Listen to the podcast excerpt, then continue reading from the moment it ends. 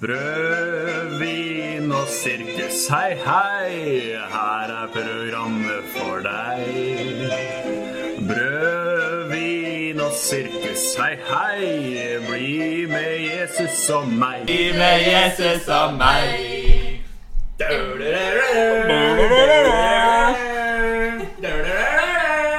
Og kødd. I dag skal vi snakke om noe som jeg sliter med å ta seriøst. Kvinnelige prester. Eh, Jeg sliter ikke med å ta kvinnelige prester seriøst, men jeg sliter med å ta spørsmålet om hvorvidt kvinnelige prester er teologisk legitimt seriøst. Så eh, istemmer Ottfrid Seika sitt utbrudd i slutten av en time i prekenfaget. Herregud! Hvorfor er det noen som er imot kvinnelige prester? I Tyskland var vi ferdig med dette for 30-40 år siden. Ja. Eh, som vanlig så har vi med oss eh, frøken Krenka. Hei! Hei. Mor Jakob. Hello? Hei. Og meg. Hei. Eh, vi er teologistudenter. Vi har også med oss en gjest som også er teologistudent. Hun er muligens en av de personene som har størst påvirkning på Brødvin og sirkus. Eller i alle tilfeller har hun en del makt over Moro Jakob sitt klesskap. Og hun er mye av grunnen til at det har blitt sådd seriøs tvil om hvorvidt Moro Jakob egentlig er morsom. Velkommen til Morokaia. Takk for det. Eh, vi starter med fem kjappe til gjesten. Eh, Kristus eller Krista? Eh, Kristus. Gyrid Gunnes eller Bjørn Eidsvåg? Gyrid Gry... Hva var det du sa hun heter? Gyrid Gunnes. Gyrid Gunnes, ja. Black eller Fat Jesus? Black. Hva syns du om at presentasjonen min av det i stor grad tar utgangspunkt i at du er kjæresten til Jakob? Typisk heroinpresten. Nei, Dette er ikke til det. nei, altså, det er jo sant, men eh, du vet at er jo litt sånn min egen person og sånn òg, så Blir du ikke sint? Du pleier å være mye mer sint enn dette her. Prøver du å framstå mer vennlig enn du er? Ok, vi går videre til neste spørsmål. Moro Jakob eller Moro Kaja? Moro Kaja. Ja. Og da, da åpner vi for oppfølgingsspørsmål til gjesten fra alle. eh, Og kommentarer, korrigering og utdypinger fra alle. Vil noen komme med noe? Jeg vil komme med en liten kritikk til deg. Du har ikke sagt velkommen til Brødvin og sirkus. Det er det vi heter. Ja, velkommen til Brød, vin og sirkus. Det er jo i sangen vår, er det ikke det? Jo, det er Du synger jo Brød, vin og sirkus. Gjør det? Ja. Men velkommen til Brød, vin og sirkus. Velkommen, og særlig velkommen til deg, Morokaia. Takk for det. Og velkommen til deg, Puse Jakob. Takk. Ja, For da det. blir det pus, ja. Da blir det Puse Jakob i dag. Ja, Det blir det. Ingen, ingen kamp. Med mindre Ingen- du motbeviser oss. Han sa faktisk i dag at han følte seg veldig morsom, så det kan faktisk være at det blir motbevisning i dag. Som, som person eller i dagsform? Han sa i dagsformen at han var morsom. Har du noen eksempler på Morsom dagsform. Nei, drit i det, da. Men uh, vi får se. bare hør. Jeg tror ikke man må ha eksempler. men Følg med, følg med. Det var gøy Følg med. Følg med. I dag blir det moro. Følg med! Følg med. Ja, dette lover han seg i hvert fall. Men det er ingen Ja, ok. Det er bare å forgå at det er den presentasjonen her. Altså, jeg syns jo ikke Nei, jeg syns jo kanskje du kunne presentert meg litt mer som uh, Som et ordentlig individ. Ja, som et individ, kanskje. Du er jo et individ. Bare Nå har jeg sagt det. I kraft av å være Kjæresten til Jakob. Jeg har jo sagt at du har masse makt. Nei, vi er ferdige da. makt på grunn av at jeg er sammen med Jakob. Ja. Riktig. Jakob. Sånn. Men uh, ok, hvor er det vi er? Hos Marte. Hjemme i kaffe. Du, Marte. Som eh, har masse hvitt. Oppblåsbar elgeansikt. Det er faktisk en hjort. Det, ja, ok. Jo, det er faktisk det. Mm. Det er veldig fint da. Jeg sier oppblåsbart dyr. Og et bilde av Leonardo DiCaprio. Mm. Ja da. Ja. Og her sitter vi altså og eh, drikker Prosecco og spiser ost og kjeks. Det stemmer. Hashtag verdens beste jente. ja, det er veldig sånn kvinne, kvinneting å gjøre. Ja. Ryktet, eller Frøken Krekar sa vel at dette her var Girls Unite. ja, det er faktisk det. Mm. Men det er kun oss som er invitert. Så synd det, andre jenter. Mm. Ja, eh, Vi skulle snakke om eh, kvinnelige prester i dag. Hva er deres forhold til kvinnelige prester? Eh, Mor Jakob er jo sammen med meg. Nei, du er ikke prest. Ennå. Kanskje. Ja. Mm. Svar. Noen? Ja, jeg kan starte. Jeg er jo mm, bakgrunnen fra Frikirken. Og vi fikk jo kvinnelige prester i 2005. Ja. Eh, som betydde at eh, da hadde man to synodemøter som avgjorde det. Og det var på sommeren. Og mora mi var delegat, så jeg har vært på hatt sommerferie med debatten rundt kvinnelige prester helt siden jeg var ti, kanskje. Og mora di stemte Hvor de stemte for. Ja. Så det er nå lov i Den evangeliske lutherske frikirke. Ja. Så jeg, jeg har på en måte vært inn i den debatten eh, ganske tidlig, da. og vært for kvinnelige prester hele veien. Ja. Ja. Nice. Jeg eh, hadde jo ikke en veldig kristen oppvekst. Eh, Men de gangene jeg var i kirken, så var det alltid en mann som var presten. Så jeg liksom så jeg egentlig ikke for meg at kvinner kunne være prester uten at jeg tenkte så mye over det. Eh, Men så begynte jeg på Danielsen videregående skole, da. Gode stedet. Gode, gamle Danielsen. Og eh, der fikk jeg jo av og til litt sånn eh, ja, vibes. Ikke for at jeg skulle bli prest, for det visste jeg ikke da. Men sånn rundt Ja, der man snakket stygt om kvinnelig lederskap av og til, da. Fra hvem da? Hvor? Hvordan? Fra elevene. Elevene sin side. Ja.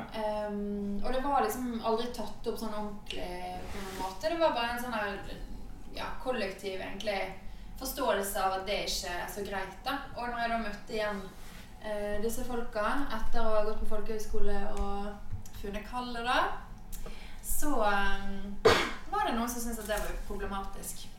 Så litt av grunnen til at jeg sitter her som eh, teologistudent på 11. semester, er faktisk litt uh, Watch me, bitches. Mm. Det er veldig bra da, livsvalg som basert på hva folk vil at du ikke skal gjøre. Mm. Men det er vel ikke, altså er vel ikke sånn vanlig forståelse på, på dannelsen at man ikke skal ha kvinnelige prester. Det er ikke en vanlig forståelse at man skal ha kvinnelige prester heller. Nei, men det er ikke sånn på klart flertall. Fordi det er vel, det er vel sånn i, pra- I praksis er det ganske få som er imot kvinnelige prester. Det er en del som har problemer med det sånn, fordi det står noen ting i Bibelen, men, men de fleste er vel for. Ja, men det, var, det var liksom at de som snakket høyest eh, av de som definerte seg som kristne, da, de var imot kvinnelige prester. Ja, Det, det vil jeg si. Folk Og kan det er- gjerne være uenige med meg i det, og ting har kanskje forandret seg og sånn, men det var min opplevelse når jeg gikk der. ja Det er jo symptomatisk for mye av hele spørsmålet Ja. og historien. Som vi skal komme tilbake til. Ja, Ja. ja. Ja, nei, Jeg har jo min bakgrunn fra pinsebevegelsen, og der er man jo ikke så opptatt av kjønn, men veldig opptatt av kall. Men jeg tror jo også at man har Jeg tenker nok at man har eh, ofte hatt litt sånn tydelige mann- og kvinneidealer, og at det maskuline er mer sånn lederidealer, og det ligger hos mannen. da. Så det er jo klart, det er jo veldig dårlig kjønnsbalanse i pinsebevegelsen fortsatt. Så det er kanskje mitt sånn forhold til det, egentlig. Men uh, Men du brydde deg ikke noe om det og ville bli prest? jeg tror liksom at jeg alltid har tenkt sånn. at jeg kunne bli det, ja. Egentlig. Så ikke noe sånn Men jeg har jo bakgrunn fra den anglikanske kirke. Jeg jobba et år i en anglikansk kirke, og der fikk de jo sin første biskop, kvinnelig biskop da, for fem år siden. Oh, ja. Så der er det jo litt mer sånn trangt, da. Så jeg har jo på en måte erfaring med at det er ikke alle som syns at det er helt greit, liksom. Men jeg tror kanskje jeg har tenkt litt sånn at Det er jo som du sier, det er jo et fåtall som på en måte ytrer seg om det. Det er jo på en måte en ganske sånn gammel debatt, samtidig som man liksom lever litt sånn under, Ja, i noen miljøer. Liksom. I Mm. noen miljøer så er det noen som er litt høylytte om det og sprer noen vibes. Og det mener jeg på en måte uten å si det køddete. Men jeg tenker jo på en måte også at det på en måte handler litt om at ikke nødvendigvis at man er imot det, men hvordan idealer man har for en prest. på en måte. At Man kan jo på en måte ha veldig sånn mannlige idealer rundt det å være prest, liksom. Og at man oppfordrer f.eks. flere gutter til å bli prester, eller liksom Mm. Jeg vet ikke, men det er jo Hmm. Alle prestene jeg har vokst opp, har vært uh, menn. Uh, men jeg har aldri vært i noen særlig miljø hvor man har sagt at man ikke skal ha kvinnelige prester, så jeg har egentlig ikke tenkt noe særlig over det. Men det er jo sant, de fleste modellene som jeg hadde da jeg var liten, de var menn. Men uh, jeg har aldri vært imot, eh, egentlig. Så jeg syns det er greit. Så jeg er på lag med Zaika. Ja, er det noe mer jeg vil si før vi går videre på hva har skjedd siden sist? Ja, eh, vi hadde jo en avstemning på Instagram i går, eh, der vi stilte spørsmål kvinnelige prester, yay or nay. Og da var det Det kom inn eh, 69 stemmer. Det var litt artig. Og eh, 60 av disse var for, og 9 av de var mot. Hva mener dere? Skal vi hetse de som stemte mot?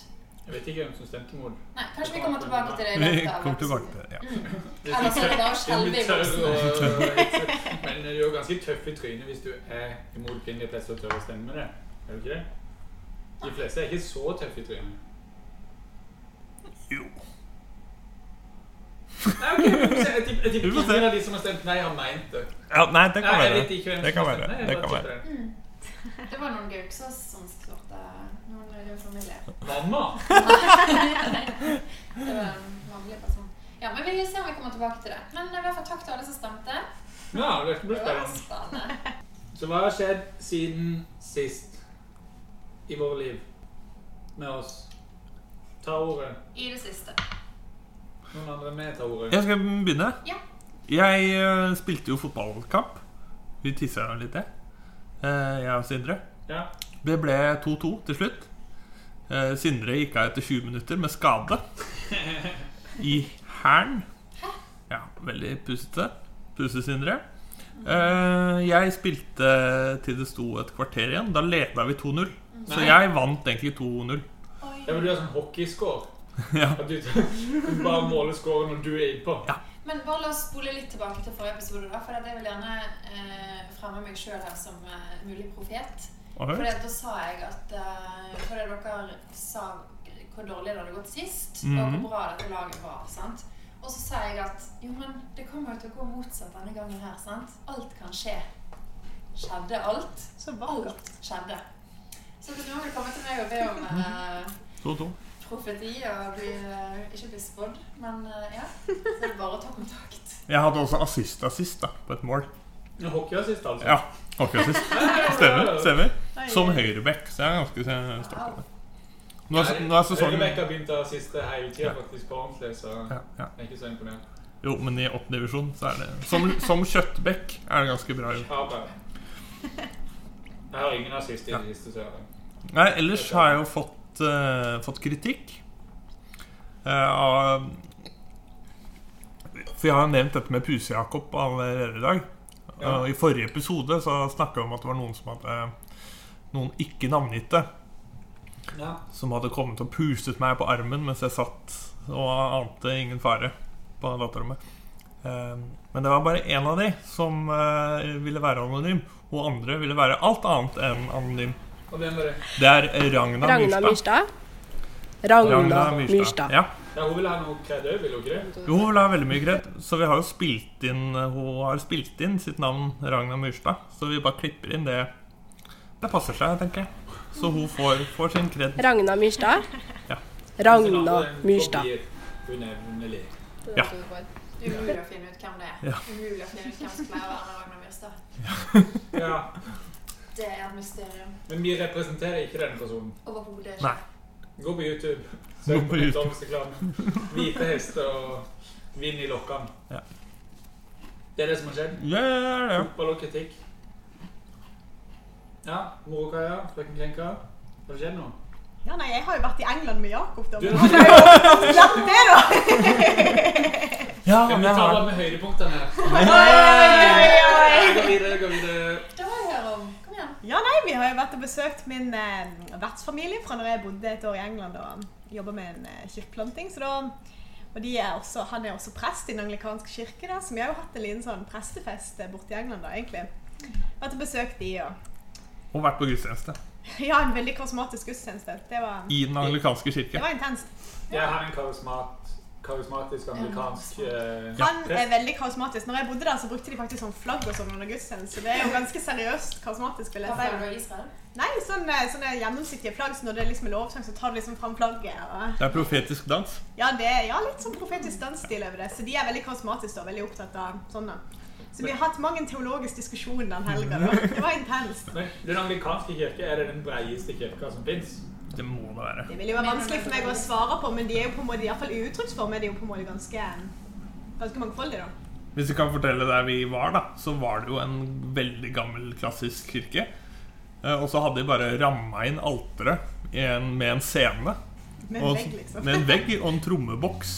Og det eneste Over alterbildet så, over alterbildet så sto det 'Come Alive' i sånn home-bokstaver, som man har i huset.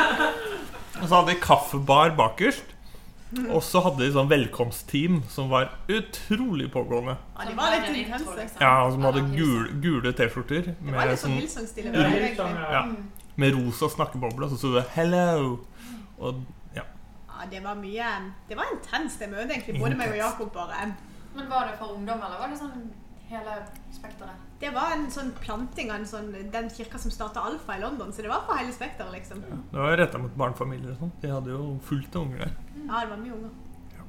Og så hadde de veldig lange opplysningsfolk. Så de fortalte liksom om alt de gjorde. Så hadde de folk oppe liksom. Det tok sikkert en halvtime med opplysninger. Jeg kødder ikke.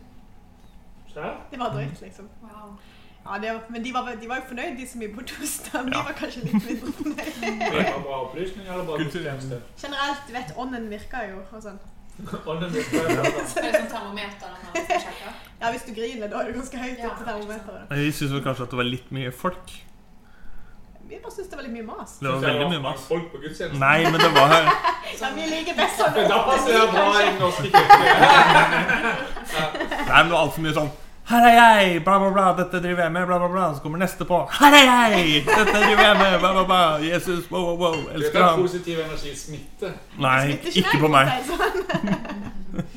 Ja, det er bra jeg skal i den Jeg er voksen kirken. Det i den norske. Neida, men det var veldig hyggelig, altså. Men um, kanskje ikke helt min stil. Altså. Jeg er litt glad vi ikke hadde sånn. Men du har ikke gjort noe annet enn å være på tur med Jakob, som ikke har vært på tur med det? Jo, nei, nå må jeg tenke litt. Hva, jeg har jo liksom ikke vært her før, så jeg kan jo egentlig bare begynne med sånn begynnelsen av livet mitt. liksom. Ja, men den vitsen har allerede tatt av noen andre, så du burde Sånn hørt litt mer på oss før, så hadde du skjønt det. Så burde jeg har du brukt den hørt så mye vitsen. Jeg hør, begynte faktisk å høre på Brødvind sirkus. Ja, det er jo, jeg begynte å høre på Brødvind sirkus etter jeg ble sammen med Jakob. Hørte den første episoden, og så begynte jeg å høre etterpå det igjen. da. Nei, utenom det Jeg har vært hjemme for i dag, Skrev en veldig interessant oppgave om eh, samboerskap og etikk og ordinasjon, så det Dere burde invitere meg tilbake. Ja, vil du si at når de var samboere i Oldkirka? Um, ja, det, det har jeg lest i dag, da. At de var samboere. De som var liksom i sånn jødisk tradisjon. da, At de var liksom sånn samboere et, et år da, før de gifta seg, for å teste hvordan det var. da. Så det syns jeg var litt spennende å høre. For det er jo det vi er veldig imot, liksom. i ja, bispekollegiet, kanskje. Kanskje. Jeg har jo lest, ja, jeg har lest mye sånn bispemøteuttalelser de siste dagene, så det, det er gøy. Ja, de burde komme med en ny en snart, sånn som dere snakker om. Hint. Ja, den fra 95, den er jo ganske, den er jo ganske liten. Den, den er jo en og en halv side av lovprisning av ekteskap og et bitte lite avsnitt om hvordan prester burde leve. Så det er jo spennende. Det kommer noe nytt, har de sagt. Hvis ikke blir jeg sur. Ja, ja, det er jo bare å sette seg ned og vente på det. Eller send mail. Eller snakk med Eller send mail og vent. Ja, eller snakk med biskopene på VTP og si at dette henger ikke sammen. Jeg skal faktisk på VTP til neste år med Halvor Nordhaug, så jeg kan jo ta en prat med Ja, jeg tror ikke du kommer deg. Han er faktisk ganske konsekvent. Det skal han ha. Ja, respekt. Ja. Jo. Jo. Respekt for Halvor Nordhaug. Ok, er det noe som har skjedd noe sist, eller hva? Det har skjedd noe sist. Jeg har som vanlig liste. Um, Kjør. ja. Eh, Fredrik Saksegård, som er praktikumsleder på MF, han har sagt til meg, og Morokaia var vitne, han sa til meg Marte, du er altfor teologisk. Hæ? Mm. Jeg bare lar den henge. Nei, for du Nei, Jo, det- la- la den nei, henge. Jeg lar den henge. La den henge. Eh, for jeg har masse annet å fortelle. Eh, og så var jeg på Teologiforum, eh, der jeg skulle reklamere for Nestenpresten. Og så fikk jeg liksom ubegrenset eh, Da, da sto jo heroin også ved siden av meg og sa lite. Eh, men det ble Planlagt veldig. Ja, nei, det var Du gjorde en kjempefin figur. Ja, det Eh, og vi fikk jo en Vi må fem være påmeldinger etterpå pga. at du eh, var der. Og, Så det var gøy. Ja. Eh, men i hvert fall da så ble jeg så revet med eh, av at jeg fikk lov til å bare holde på veldig lenge. Eh, mer enn jeg hadde tenkt. Og så hadde jeg egentlig tenkt å reklamere for Girls Unite volum 5. Så var det da dagen etter. Sant? For det var jo naturlig da å si ifra om. Og så glemte jeg det før jeg gikk og satte meg. Og så tenkte jeg sånn Ok, jeg kan jo bare reise meg igjen og si det igjen etterpå. For det er jo hyggelig at de som er her For det er teologiforum. Da er alle som studerer teologi på MF, invitert til samme forum.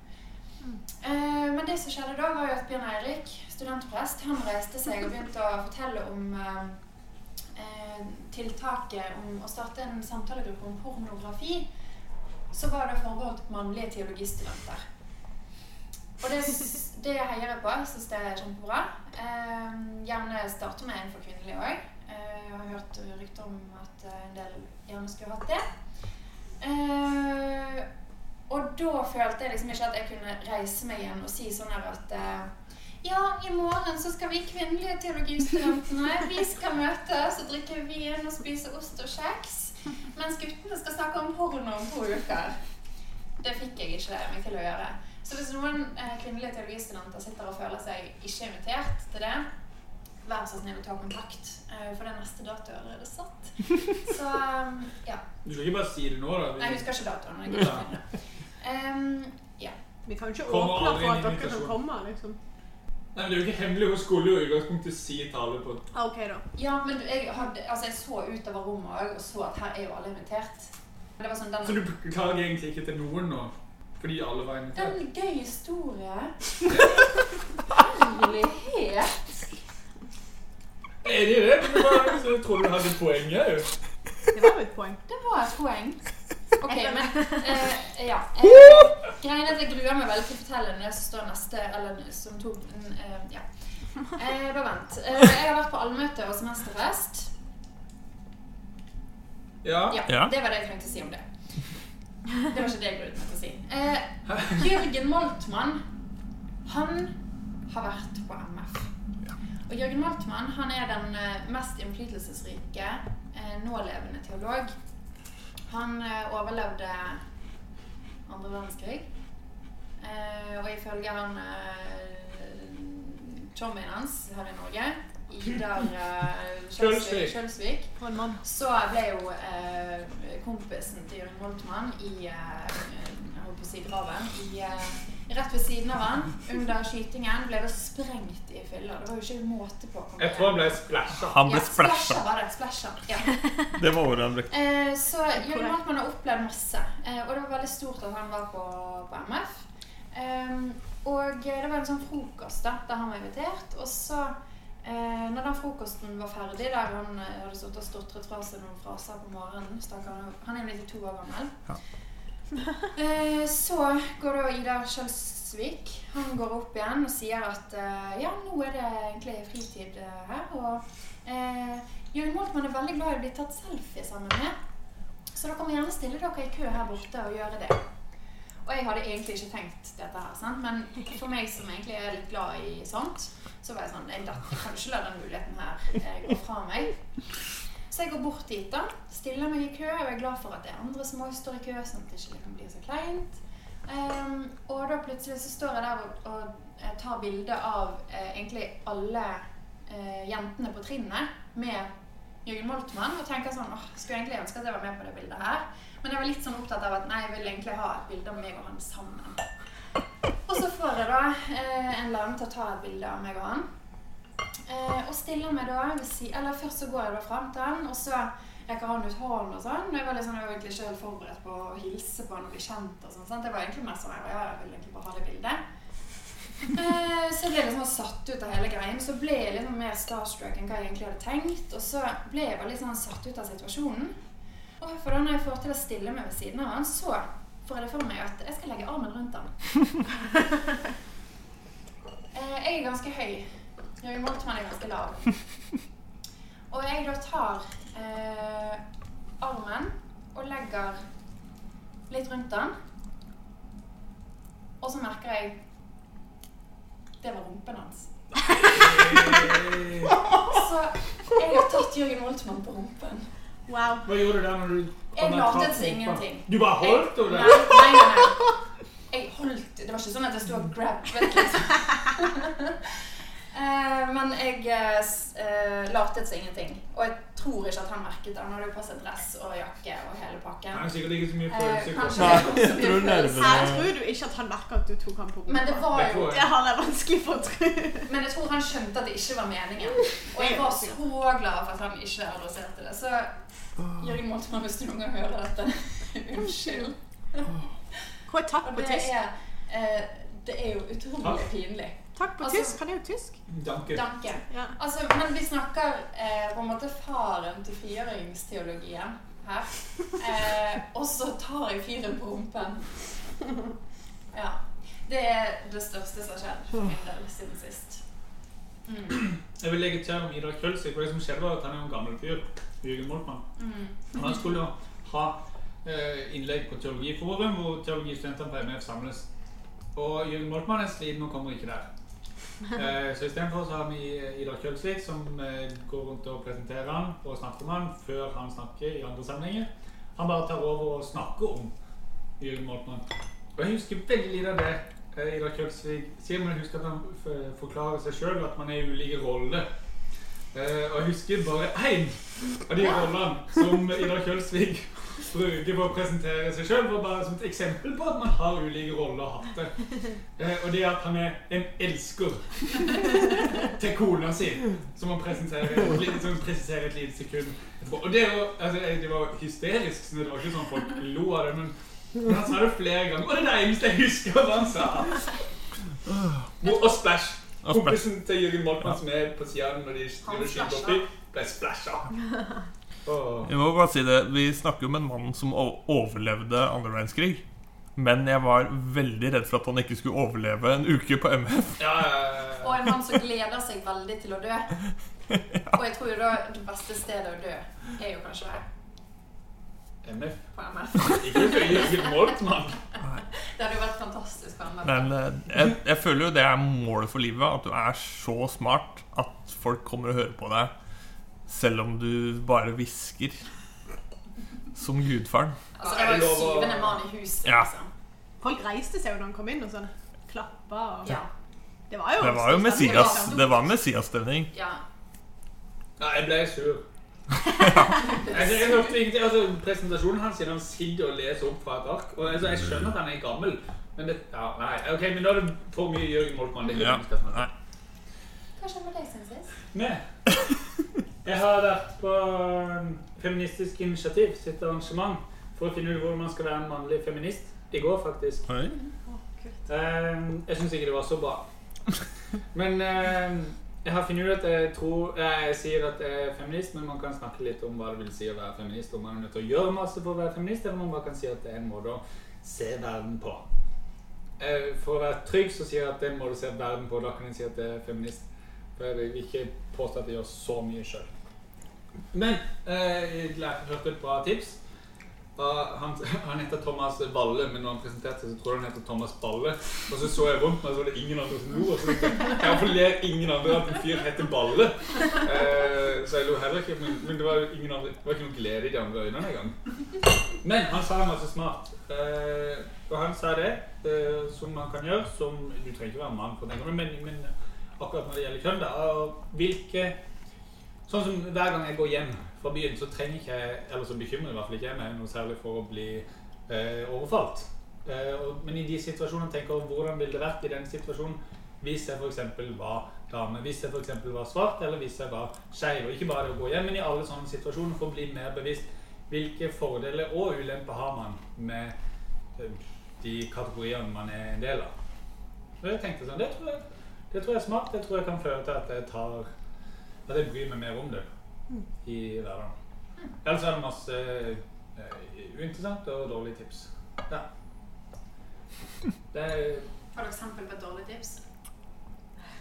nei, det var ikke så mange tips. Det var veldig lite konkret. Det de snakker om. Ja. Det var litt godt for meg å høre at det var et dårlig arrangement, eller du var misfornøyd, for jeg var litt lei meg for ikke jeg kunne gå på det arrangementet sjøl. Jeg ble skuffa. Jeg trodde det skulle være bra. Jeg er liksom trykket sånn interessert og tenkt sånn. Jeg var interessert. Det var veldig mange som var interessert. Jeg var interessert. Og jeg er mann. Og nå er det noen som mener at dere ikke er noen gode feminister fordi dere bare trykker 'interested' og ikke 'going' og 'går'. Mens jeg mener dere er gode feminister fordi det handler om hvordan man ser verden, ikke hva man gjør. Jeg er frykket interessert som en svart mann. Nei. Jeg vet ikke om jeg var presis nok i stand til å forklare det tipset. Jeg tror kanskje ikke det. Men eh, ja, det har skjedd. Og så tenkte jeg på i stad uh, Fins det en enkel måte å at man kan gi anonyme tilbakemeldinger til Brødvin og sirkus? Jeg syns vi, vi skulle fått mer tilbakemeldinger av folk. Men så tror jeg det er et hinder at eh, man må stå fram med navn. Med mindre man har fake mail. Det er jo ikke så man skal ha fake mail, egentlig. Er det løsninga? Folk bare lager fake mail og Vi kan jo bare ha sånn postkasse på MF. Posthylle. Så kan folk bare legge inn. Hvor kan er det? I tredje etasje, for eksempel. Ja. Det kan vi søke Jo. om. Det er mange ledige. Kan, der. kan noen andre med ta ansvar for det? Ja, vi kan gjøre det. Nice! Nice. Ja, Det er de to tingene jeg har gjort. Jeg har lurt på det ene og vært på et arrangement. Jeg har ikke vært i England. Hva har skjedd i Kirke-Norge siden sist? Førstemann. Statsbudsjettet ser eh, mørkt ut i forhold til kirken. Mm. Håper at uh, Det blir bra. det blir bra. At de snur i tide, tenker Ja. du? Anna? Ingen skam. Men det blir jo ikke bedre, gjør det? Nei, sånn, han der stiftsdirektøren i Bjørgvin gikk ut og sa sånn Å, det- denne forandringen kom litt tidligere enn vi hadde trodd. Ja. Sånn. Vi har det jo godt i Norske kirke, da. Kan ikke si noe annet. Ja, men da må kanskje folk vente i ti dager på begravelse, da. Og det er jo eh. Men eh, For jeg har litt sånn sterke følelser rundt det. Statsbudsjettet. nei, rundt eh, klaginga til Den norske kirke. Ja. Det er Eh, mye klaging. ja, det er jo sånn Det er klassisk statskirkekort. Nå kommer Frikirke kommer fram med. Ja. Og si sånn Ok, vi får ikke penger, men da begraver vi ikke folka dine. det går rett dit. Men hvor mange er det som sier det? Nå sa akkurat uh, krenker det, men Det er, ak det, er det, de, det de går ut med når de skal reagere på det. Så sier de ok, nå har vi ikke nok penger, nå blir det lang ventetid på begravelser. Nå råtner mora di. Sier Kristin Råum Raum Sier hun det? Indirekte, ja. Det er den argumentasjonen de bruker. Men det er jo Og så har man masse stillinger som bare er plassfyll i forhold til det man må ha. Men du kan jo ikke sammenligne det med frikirka, fordi frikirka begraver jo kanskje to folk i året. Det er jo Det er jo ingenting liksom samfunnsnyttig. Nei, men nå er Den norske kirke mer Men frikirke jeg enn har det var. hørt om at eh, Frikirken oppfordrer medlemmene sine til å melde seg inn i Den norske kirke mot slutten av livet, sånn at de skal slippe å ta ansvar for å begrave dem. Nei, er det sant? Det Jeg tror ikke det, jeg tror ikke det liksom går ut offentlig fra noe som helst frikirke, men jeg tror at eh, det er en sånn eh, tendens da, til at eh, det er lurt. det Stiller jeg meg ikke bak. Nei, det veldig, det Nei, det høres ut som sånn som pinsevenner som løper rundt og sier at uh, teologistudenter ikke er kristne. Det høres ut som samme greia. Eller podkasten 'Brødvin og sirkus'. Men man må bare man må tilpasse seg. Når man har kutta av navlestrengen, så må man begynne å vokse opp og tilpasse seg. Det kommer, ikke, det kommer ikke til å bli noe bedre, det budsjettet der. For alt man vet, kan støtten til uh, Støtten til trossamfunn bli borte. Hva skal vi gjøre da? Sette oss ned og be? Nei, ja, men Den norske kirke Skal er jo en kirka? På ordentlig så er man jo en prosess hvor man skjønner at økonomien blir dårlig. Man må tenke nytt om hvordan skal vi skaffe økonomi. Og det er jo bare tull at de, folk ikke blir, kommer til å bli begravet. For man kommer til å prioritere gudstjenester, begravelse og bryllup. Så det kommer til å skje. Det er- det er det siste som blir kutta på. Så det er jo falske trusler. Ja. Og det er jeg lei av. Ja. Jeg har bare Det er ikke hørt det så mye. Det er jo ikke så mye av det, da, er det det? Lenge siden jeg har sett deg så irritert. eh, Ja, takk. Det var, det var litt upassende at jeg brukte den forkortelsen på ja. I hvert fall når Kaja sitter her. Takk. ja. Vi sitter ikke ved siden av hverandre, bare sånn at det er Det var et stygt blikk. jeg Ble litt sur nå? Jeg prøver å irritere Kaja litt. her. svelgte en drue eller noe. Jeg satt i halsen her, Tor Olav. Jeg. Ble ikke sur. Nei, men Jeg er sånn harmonisk, jeg er sånn et harmonisk menneske. Jeg skal bare ta helt med ro. Jeg er et veldig harmonisk menneske. Har det skjedd noe annet? Vi har jo en prest som har kost seg. Det er denne sak som vi ikke kan la, gå forbi. Ja. Om en eh, 50 år gammel prest som eh, drakk vin mens han skypa med kjæresten sin. Eh, lørdagen før han skulle ha, ha konfirmasjonsgudstjeneste. Og blir da tatt på vei til kirken med promille. Ja, han, Drakk av en dunk, var det ikke det var jo det? det som det er det som er så godt her. At, eh, fordi han sier liksom Nei, jeg bare, bare chatter litt på FaceTime, og Ja. kjæresten min var kjær. Eh, og drikke litt vin, visste ikke hvor mye det ble. Fordi jeg drakk fra kartong! Og så Hadde ikke kontroll. Ja. promille når han skal ha konfirmasjonsgudstjeneste. Og det, okay, det er ikke det, Kanskje han prøvde å være miljøvennlig og spare glass? At han bare spruter drakk inn? Da er det vanskelig å ha kontroll. Han var jo fra Østfold, da. Var han ikke det? Jo jo? Men det sto vel i den eh, NRK-saken at han har ikke jobb lenger. Mm. Nei, fikk han sparken pga. vindunken? Jeg vil jo tro at det Eller hadde kanskje han brukte sånn camelback sånn her rett i eh, den ja. eh, utgangen, og så bare satt og simpa. Men det er vel bare Skal du drikke vin før konfirmasjonsgudstjenesten? Som det helt sikkert er noen fra TF som kommer til å gjøre. Fordommer. Nei, men eh, det, det, tror jeg, det tror jeg skjer, at folk drikker vin før på lørdager. Men- jo ikke drikk dunk. Nei, og ikke drikk så mye at du er full når du skal køre til gudstjenesten. Nå er konfirmasjon. Men kanskje vi skal få inn litt sånn matematikk på, teologistudiet. At man skal regne litt sånn promille og sånn. Men er ikke det liksom vanskelig hvis du tenker sånn Fordi det er jo noen som vil tåle mer enn andre, liksom. Sant? Så det er jo Ja, men vi lærer jo mye om selvinnsikt og sånn i løpet av studiet. Eller det ligger mellom, mellom eh, linjene hele veien. Jeg tror måtehold Jeg tror det er i hvert fall måtehold kvelden før du skal ha gudstjeneste. Det tror jeg er et veldig bra tips. Ja. mm, Jeg. Jeg vet ikke hvilken venn dere har, men jeg fikk jo snaps fra mine venner hjemmefra. «Hæ, Er det du som har vært øh, på tur her? For dere sånn? Nei, jeg Nei. ingen eh, Jeg, jeg Jeg fikk linken av pappa, faktisk. Pappa trodde du var det. Pappa trodde ikke det var meg, han sa bare 'Kjenner du denne personen?' Nei, jeg tror ikke min familie har fått det med seg. Nei. Har du sett noe annet? Kirke-Norge? Ja, Visjon Norge blir jo uh, truet med å bli uh, sendt ut av Drammen kommune, i hvert fall. Eh, Hvor de da skal finne veien der. Det er jo snusk, Snuskesen som ikke har papirene i orden. Ja, Og som ikke er så godt likt, da, tenker jeg. Ja. Men det er, det Det det er er, først og fremst at han har brutt ja, det er bygget de bruker, har de fått tillatelse å bruke som leiligheter, ikke som TV-studio. Ja. Ja, og det har det blitt klaga på siden 2009, og de gjør ikke en dritt med det. Nei. Eh, Så, men Jan Hagevold finner alltid en løsning. Amen og Jesus. Men det er jo i hvert fall gladsak for oss som ikke er så glad i Jan Hanvold. Ja. Da føles det litt godt at han får litt motstand her. Blessed be the fruit, tenker jeg. Bønnesvar. Det kom, ny, eh, det kom to nye Instagram-profiler for så vidt, som jeg har lagt merke til. Den ene er teologibitches Da Eh, Der det står fem fromme teologistudenter. Med djevelsk humor, er det ikke det?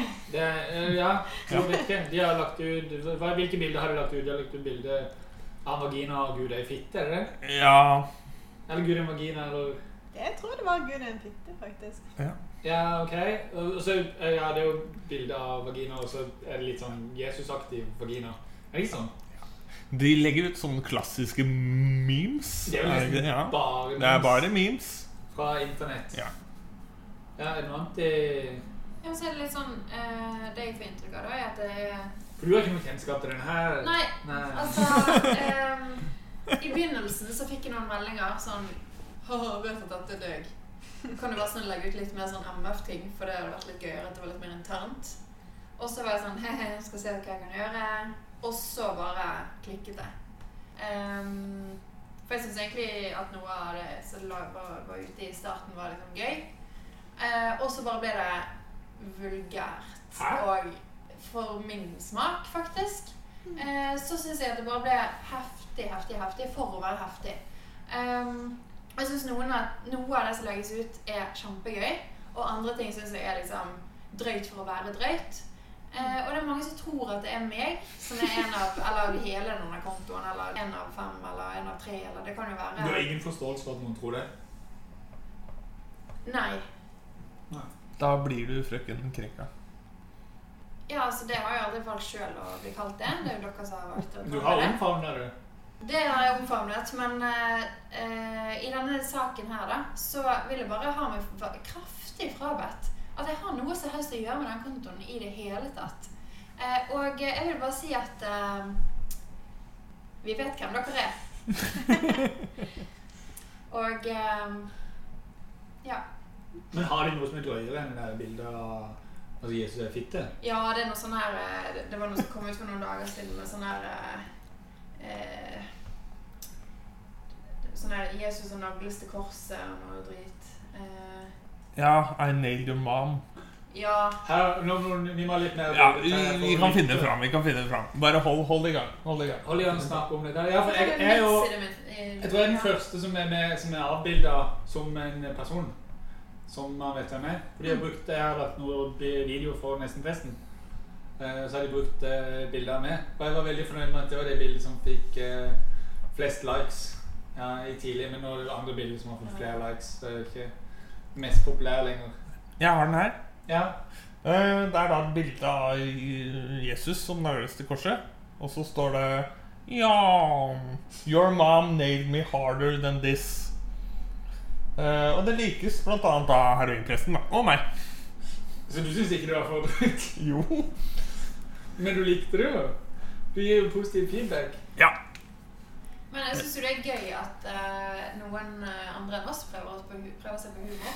Uh, men jeg har, det er liksom sånn hva er, hva er hensikten her, da?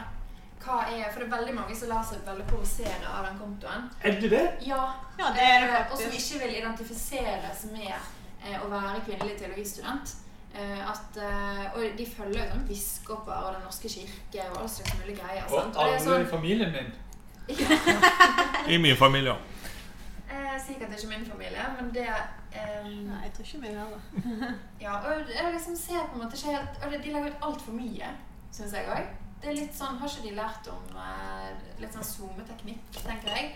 Nei, så det er eh, Ja. Nei, jeg, vet ikke. Og så um, Ja, jeg har bare lyst til å si at det er ikke meg. Um, I begynnelsen syntes jeg det var gøy å ta litt cred.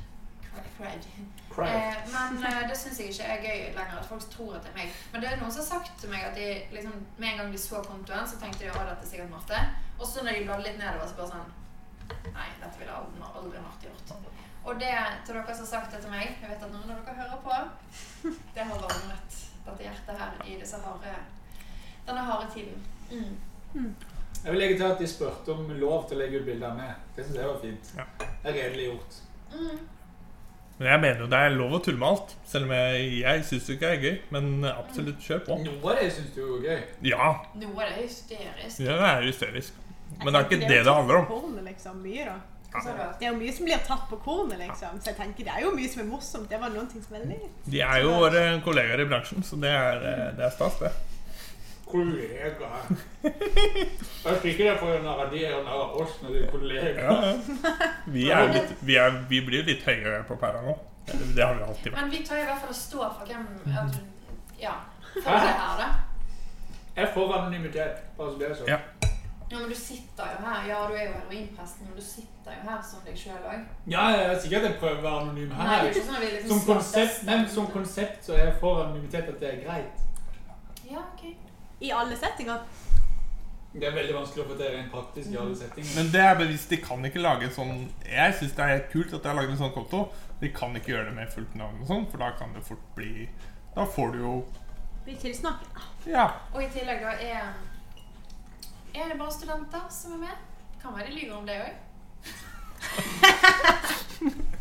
ja Nå skal ikke vi starte en sånn der beef, men uh, det er gøy. Ja. Nei, vi, vi er spent på uh, Jeg tror jo at uh, de hører på oss. Eh, Håper det. Så eh, Vi er jo kollegaer. Spent på Ja. Spent på liksom tilbakeslaget. tilbakeslaget. Kan dere ikke liksom hilse dem med et hellig kyss? Eller, Eller bitch-slappe. kyss? Ja. Åssen er et hellig kyss? Ja, det kan jeg forklare, for det forklarte min Ja. vertsfar meg i England. Vi var i England, han fortalte meg det at det var forskjell Hvor på i, hvor i Bibelen hører vi om et hellig kyss? Nei, det- Hele Bibelen. Hele Bibelen handler jo om sex, da. Ja. Og um, ja, da sa han det at et hellig kyss Forskjellen på et hellig kyss og et vanlig kyss, hvordan var det? Det var ti minutter. Så Hæ? da kan dere tygge litt på det. Hæ? Ti minutter. Hva er hva, da? Må man ikke si ti minutter på at det er hellig? Man, man slutter ti minutter før hvis det er hellig. Oh, ja, ok. Var det ikke sånn det var? Jo. Hadde de klokke i Bibelen? Jeg tror det er en sånn indre klokke. Kanskje. Jeg vet ikke. Den andre Instagram-profilen som jeg tenkte på, det var Jesus Feminist-podden. Det er jo ikke en Instagram-profil. det er jo en- Det jo en Instagram-profil. Og det er en podkast ja. som handler om Jesus Feminist-podkast, som det heter. I søte Søte Syster. søster, søta bror. Ja. Ja, det har jo skjedd. Jeg vet ikke hvor mange som hører på de. De har 351 følgere, men de øker jo stadig, da. Ja, I går tror jeg de hadde 316. Og de er jo over Vi har jo kommet inn på eh, religion og spiritualitet-lista på iTunes. Ja. Ja. Og vi ligger på 100, rundt 130. plass nå, Hvem tror jeg. det- hvem er det vi kjemper med? Vi kjemper med Koranen, Koranen. blant annet. Og eh, Det er sikkert mye sånn prekener. Sånn, Ja. som er sånn prekenkanal. Ja, salt er oppe på toppen Ja, ja. ja, ikke sjans mot de. Nei. Men, eh, men denne Jesus-feministbåten ligger tror jeg nesten Iallfall topp 30. Å ja, så de er mye høyere enn oss? Ja. Oi. Oh, ja. Men Og det? det er i Norge. Og det, det er uh, to uh, svenske jenter. Katarina og Sara. Eh, og de eh, er kristne feminister. Hun ene har studert litt teologi, hun andre er filosofistudent. Eh, og de snakker om eh, feminisme fra eh, fra innsiden av den Ja, altså de kaller det vår frikirken.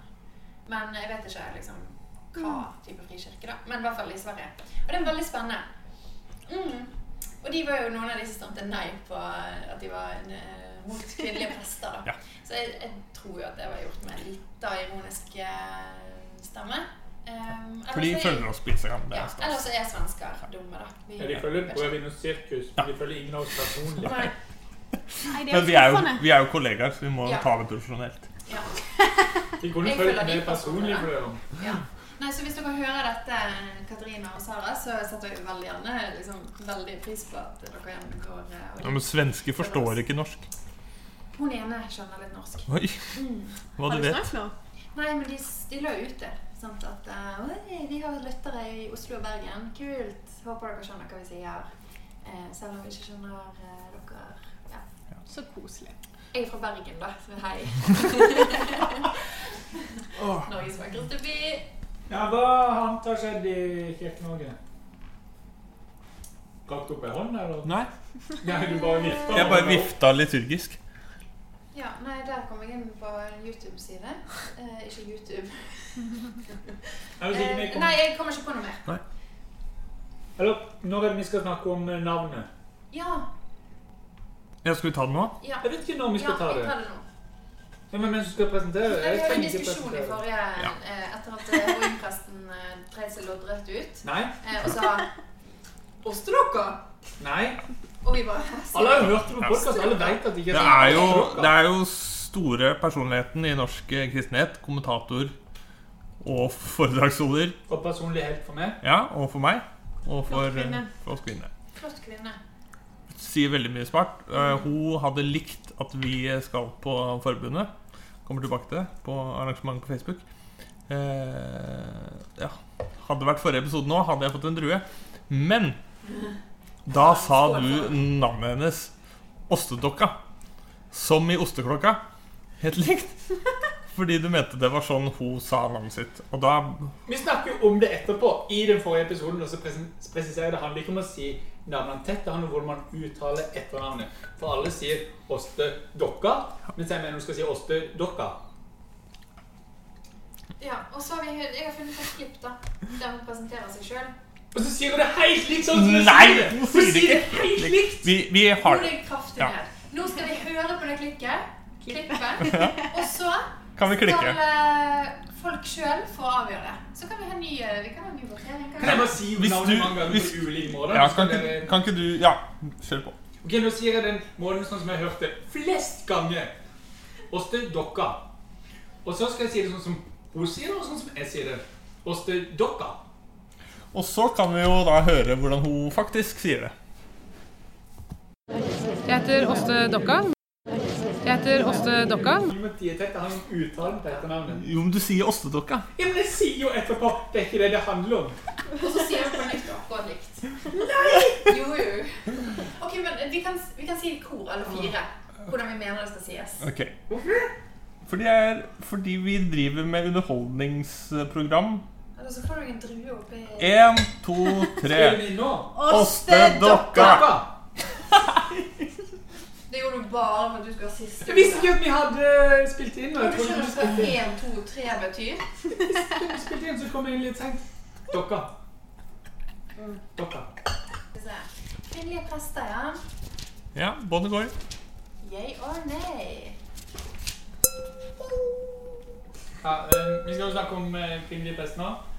Eh, Der kommer det fram at vi er ikke for Så skal vel egentlig bare snakke om hvorfor man er dum hvis man mener noe annet enn oss. Eh, men jeg tenker jeg kunne ta litt eh, historie, som jeg syns ofte er gøy, fordi det er ganske dramatisk eh, i kristen historie. Men da starter vi på 1870-tallet, hvor eh, det moderne gjennombruddet kommer. Eh, hvor man får, en del, man får nye idealer om hva likestilling og likeverd skal være. Og det er en del nye filosofiske tanker. Eh, mens eh, de kristne lederne kommer ut og minner om at kvinnen har en ribbeinsnatur. Fordi de formodentlig ble skapt av Adams ribbein. Og så bokstavelig talt de går ut og sier at eh, kvinner har ribbeinsnatur. I 1899 så blir første kvinnelige kantor utdanna, og det er Valborg Lekke, eller Lecce Lekke. Le- Det er at du er ferdig med teologigraden din, men du, ikke, du har ikke gått praktikum, så du er ikke forberedt til å være prest. Eh, I 1938 så åpnes presteembetet av Stortinget eh, for at man kan bli prest. Eh, og det gjør de uten å være enige med kirka. og det er Staten og kirka er veldig sammenhengende. i Den norske kirke. Men Stortinget som bestemmer, de kan gjøre hva de vil egentlig. Si at nå får kvinnene lov til å være prester, men de legger til et tillegg som kalles lex movinkel, fordi det er movinkel som er politiker som står bak det. Som vil si at hvis menigheten er imot av prinsipielle årsaker, så trenger de ikke ha en kvinnelig prest. Og det er jo alle menighetene. Eh, Så det blir ikke noen kvinnelige prester. Men samme året så søker Agnes Wold om å få lov til å ta praktikumsfag ved MF. Eh, Og Da får hun avslag med begrunnelse om at MF gjennom sitt praktikumsvitnesbyrd anbefaler vedkommende hvis de anbefaler henne til prestetjeneste. Hvis de tar henne inn på praktikumsfag. Det blir himla rodete. Men de siden hvis de tar henne inn på praktikum, så anbefaler de at hun kan bli prest, for det kan de ikke stå for. Så hun får avslag.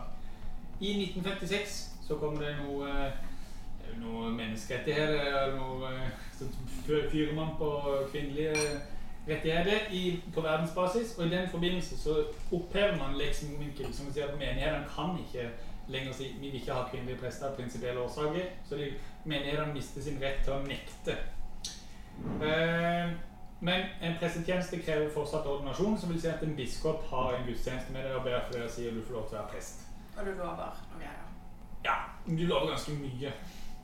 Eh, og de fleste biskopene er jo fortsatt imot det, og de meste av kristenfolk er imot det, men i 1961 så er det Kristian Schjelderup, han som debatterte med Ole Hallesby gjennom hele 50-tallet. Han som slo Ole Hallesby i valget om å være leder i forbundet, og etterpå var med på å lage laget. Han tar og ordinerer Ingrid Berthe da, i 1961. Eh, og i, etterpå så er det seks av ni biskoper som uttaler at kvinnelig prestetjeneste er uforenlig med Det nye testamentet og tradisjonen. Så her snakker du ganske jeg vil tro turbulente bispemøter eh, på den tida. Så, så kan tenke at det vi holder på med i dag, er ganske mildt på mange måter. 1960-tallet så er det en debatt om bibelsyn mellom Jakob Jervel fra TF og Carl Fredrik Wisløff fra MF. To professorer. Og daværende dosent Jeg vet ikke hva dosent betyr. Og senere Oslo-biskop Andreas Aarflot. Han, eh, han jobber da på, på MF, men en del av den yngre garden. Og han kritiserer sin eh, kollega, altså Carl Fredrik Wisløff, offentlig.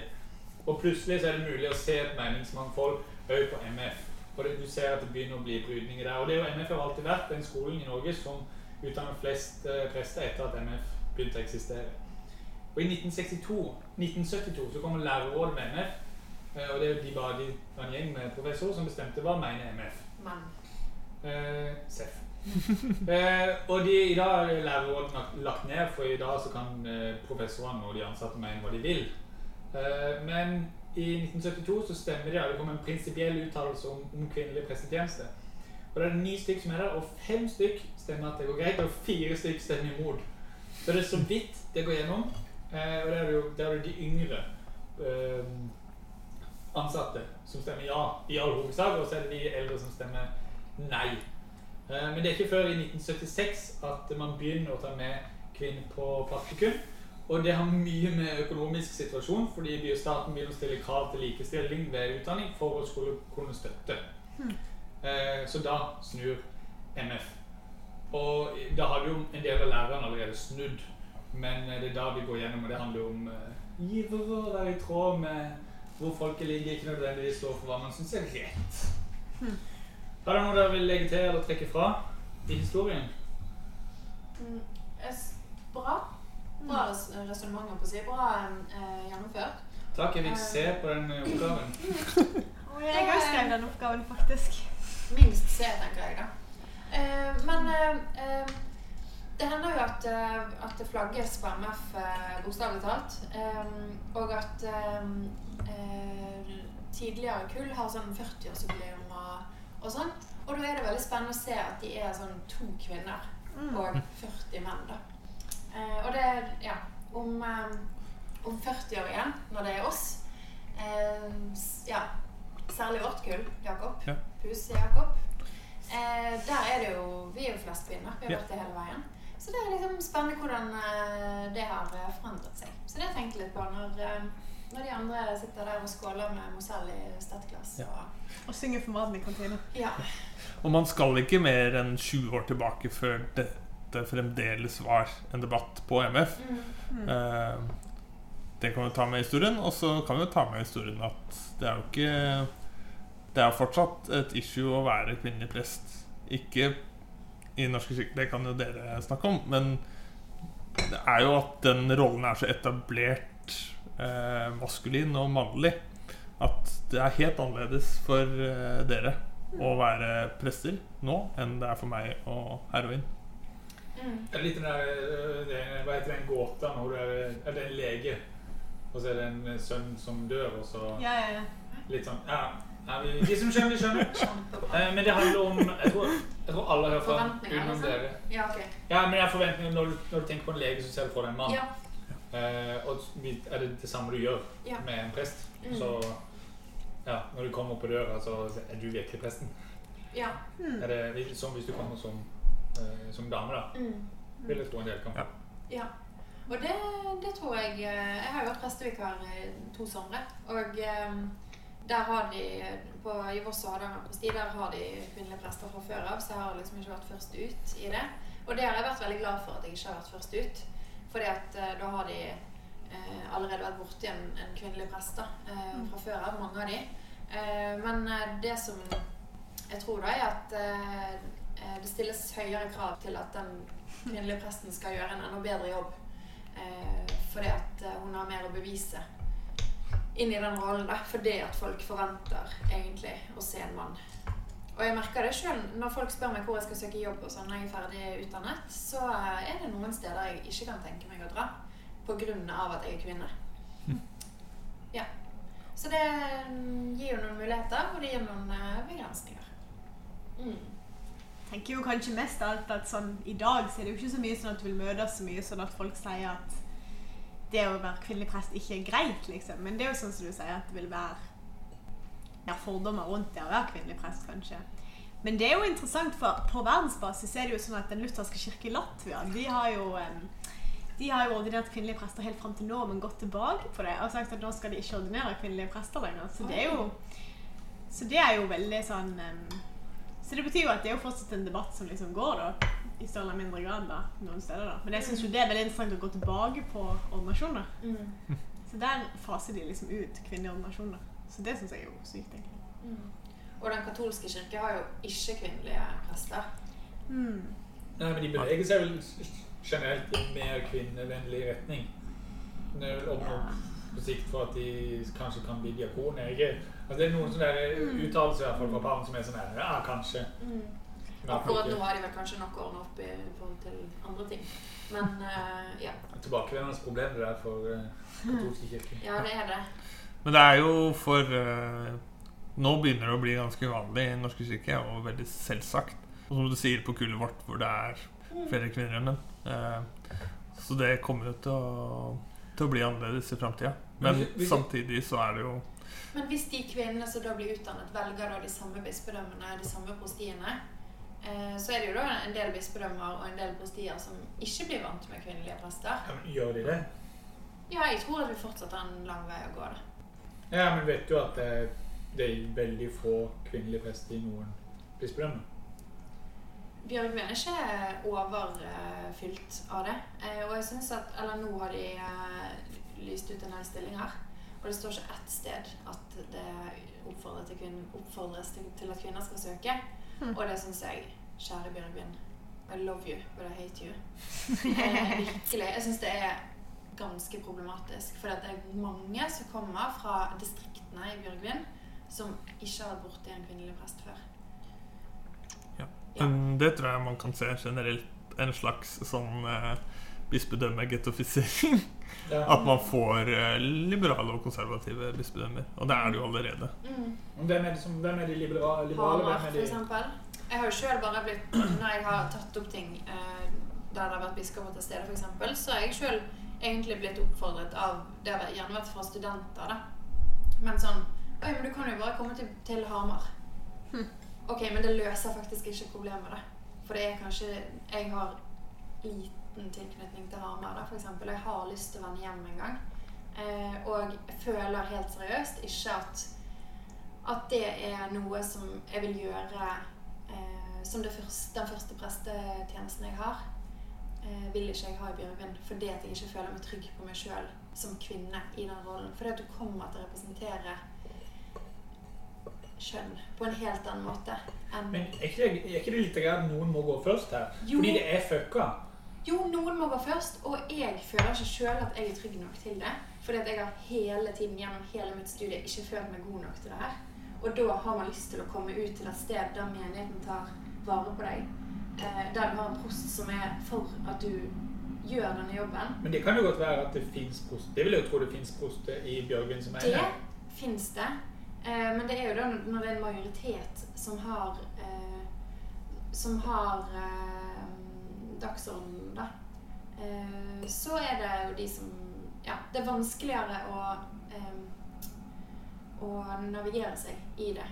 Og eh, Agder for, for min del er totalt uaktuelt, liksom. Fordi der føler jeg òg at det er en Mange av de folkene jeg kjenner fra Agder, eh, er sånn på grasrotnivå. Og det trenger ikke være sjefene mine i Den norske kirke, men det kan være menigheten i Den norske kirke. Um, at mange av de er kanskje imot kvinnelige prester. Men det tror jeg det er mange som ikke er. Jeg, Ja. jeg har vokst opp i, i Mandal. Det har jeg aldri opplevd altså, det er veldig lett for meg å si som ikke er dame og ikke har vært prest. Men, men, men jeg har ikke tatt inn noen holdninger om kvinn, mm. fiendtlighet mot kvinnelige prester. Jeg har praksis i Vågsbygd, og jeg skal ikke uttale meg for hvordan det er å være kvinnelig prest der. Men det har heller ikke plukka opp noe. Så jeg, jeg tror jo sånn Agder er mer konservativt enn en del andre. Jeg tror Hamar er mer liberale. Men jeg tror de fins. Og det som er jeg, Nå mener jeg ikke at det burde vært bra, men det som er greia litt her, er at det er fucka. Og vi må jo gjøre noe med det, sånn som Ingrid Bjerkås. Det som står når du leser om det på Store norske, det er flere som jeg kan tåle på den tida, som er med kvinner, men ingen vil gå først. Ingrid Bjerkås er ganske gammel. Men hun gjør det så hun skjønner at hvis jeg skal rekke å bli prest, så må jeg gjøre det nå.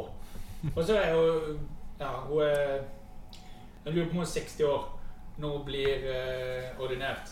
Og det er jo, det er jo den- Jeg tror hun ble tatt ganske godt imot. Men det er jo det at fordi det er fucka, så må noen gå og Mm. bare utsette seg for det. Og det suger jo. Men verden er ikke perfekt, så vi må bare Ja, det er jeg enig i. Eh, men jeg tror at jeg kommer til å bli sliten nok som det er fra det første året mitt som prest.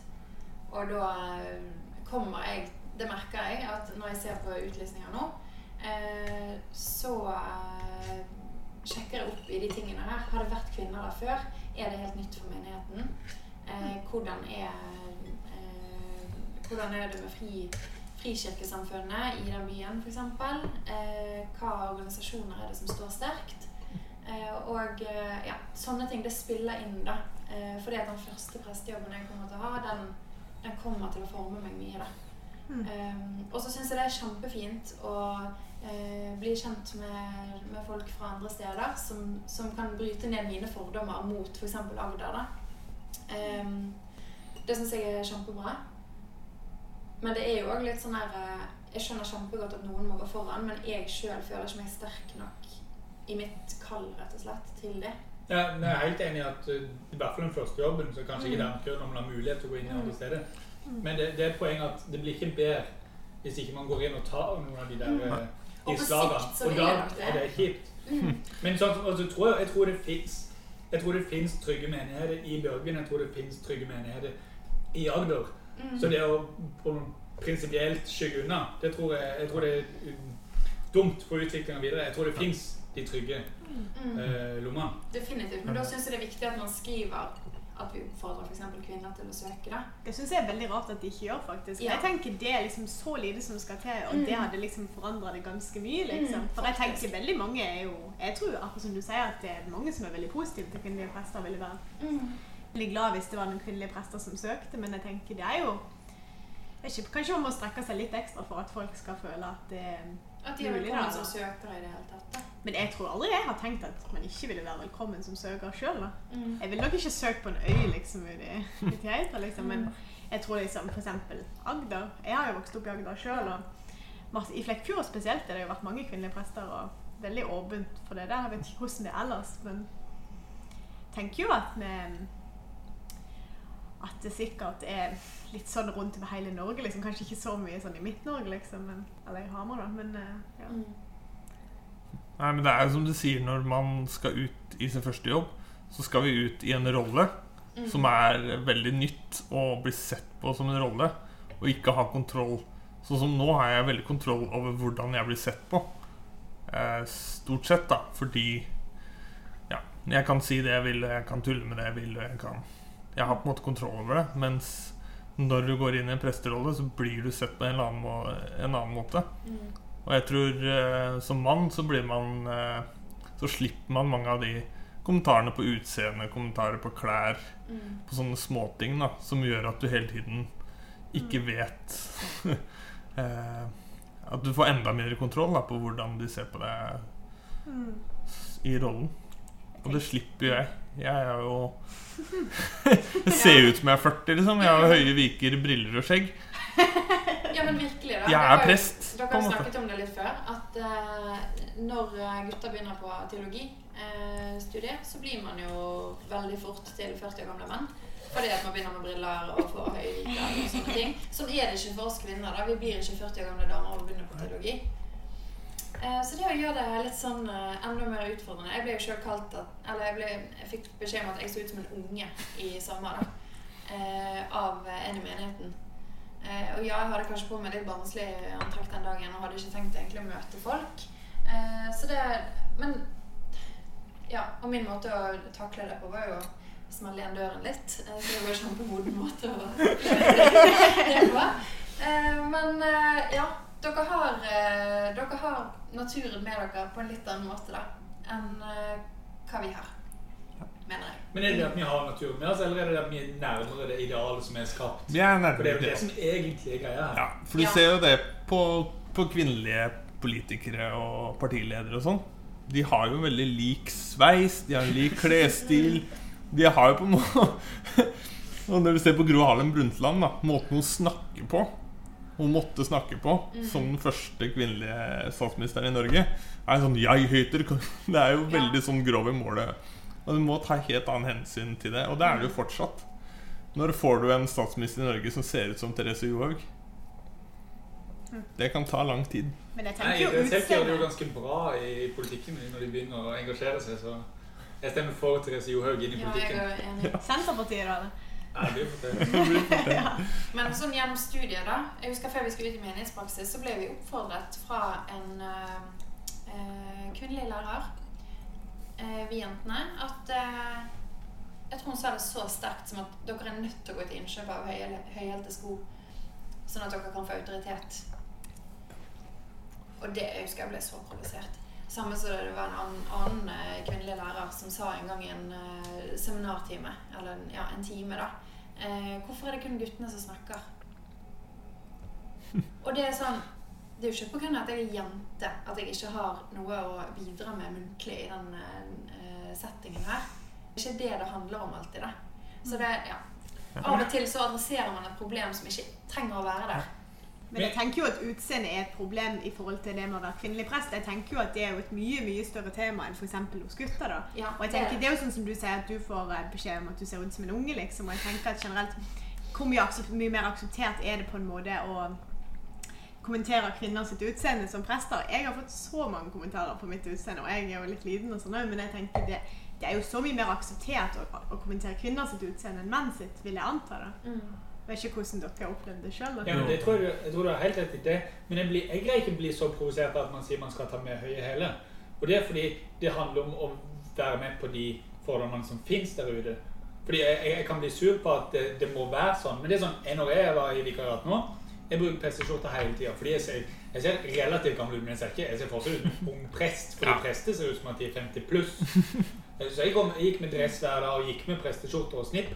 Fordi ja, fordi jeg vil ha ja, fordi jeg vil ha så mye autoritet som mulig. Jeg vil ikke at de skal tenke er dette her en ung person. Så jeg gjør jo det samme. Men jeg må, jeg må ikke gjøre det kompensere like mye som dere.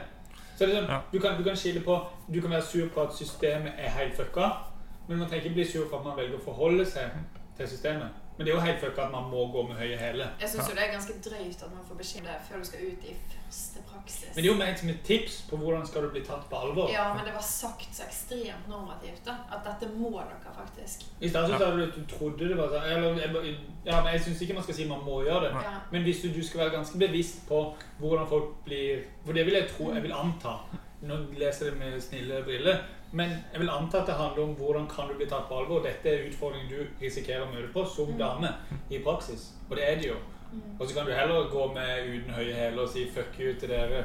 Jeg driter i at man må ha høye hæler for å bli respektert, men da skal du være litt bevisst og gå inn i den rollen. Og sette det i respekt. Og det krever ekstra. Ja, det høye hæler er, er faktisk eh, min favoritthersketeknikk. Jeg har en kneoperasjon bak meg som følge av dette her. Jeg har aldri gått med i hæler som prest, faktisk. Så jeg vil gjerne si at jeg er kul som fuck you. Og fikk mange kommentarer som følge av min mangel på høye hæler. Min favoritt er kan jeg få ta et bilde med den lille, søte presten. Så takk for det sier sitter med hele tida, altså.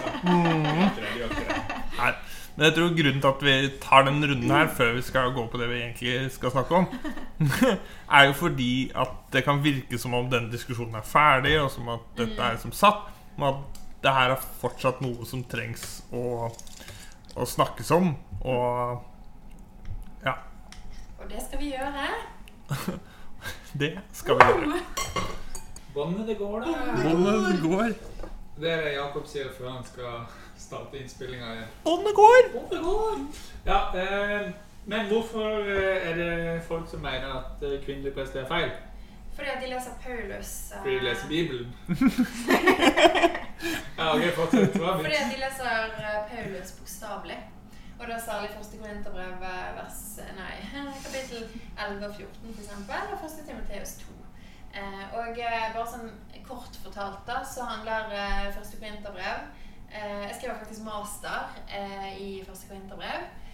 Um, ikke akkurat om kvinner, men om eh, eh, noe som òg handler om egentlig orden og jeg håper å si um, sømmelighet og sånne ting. da.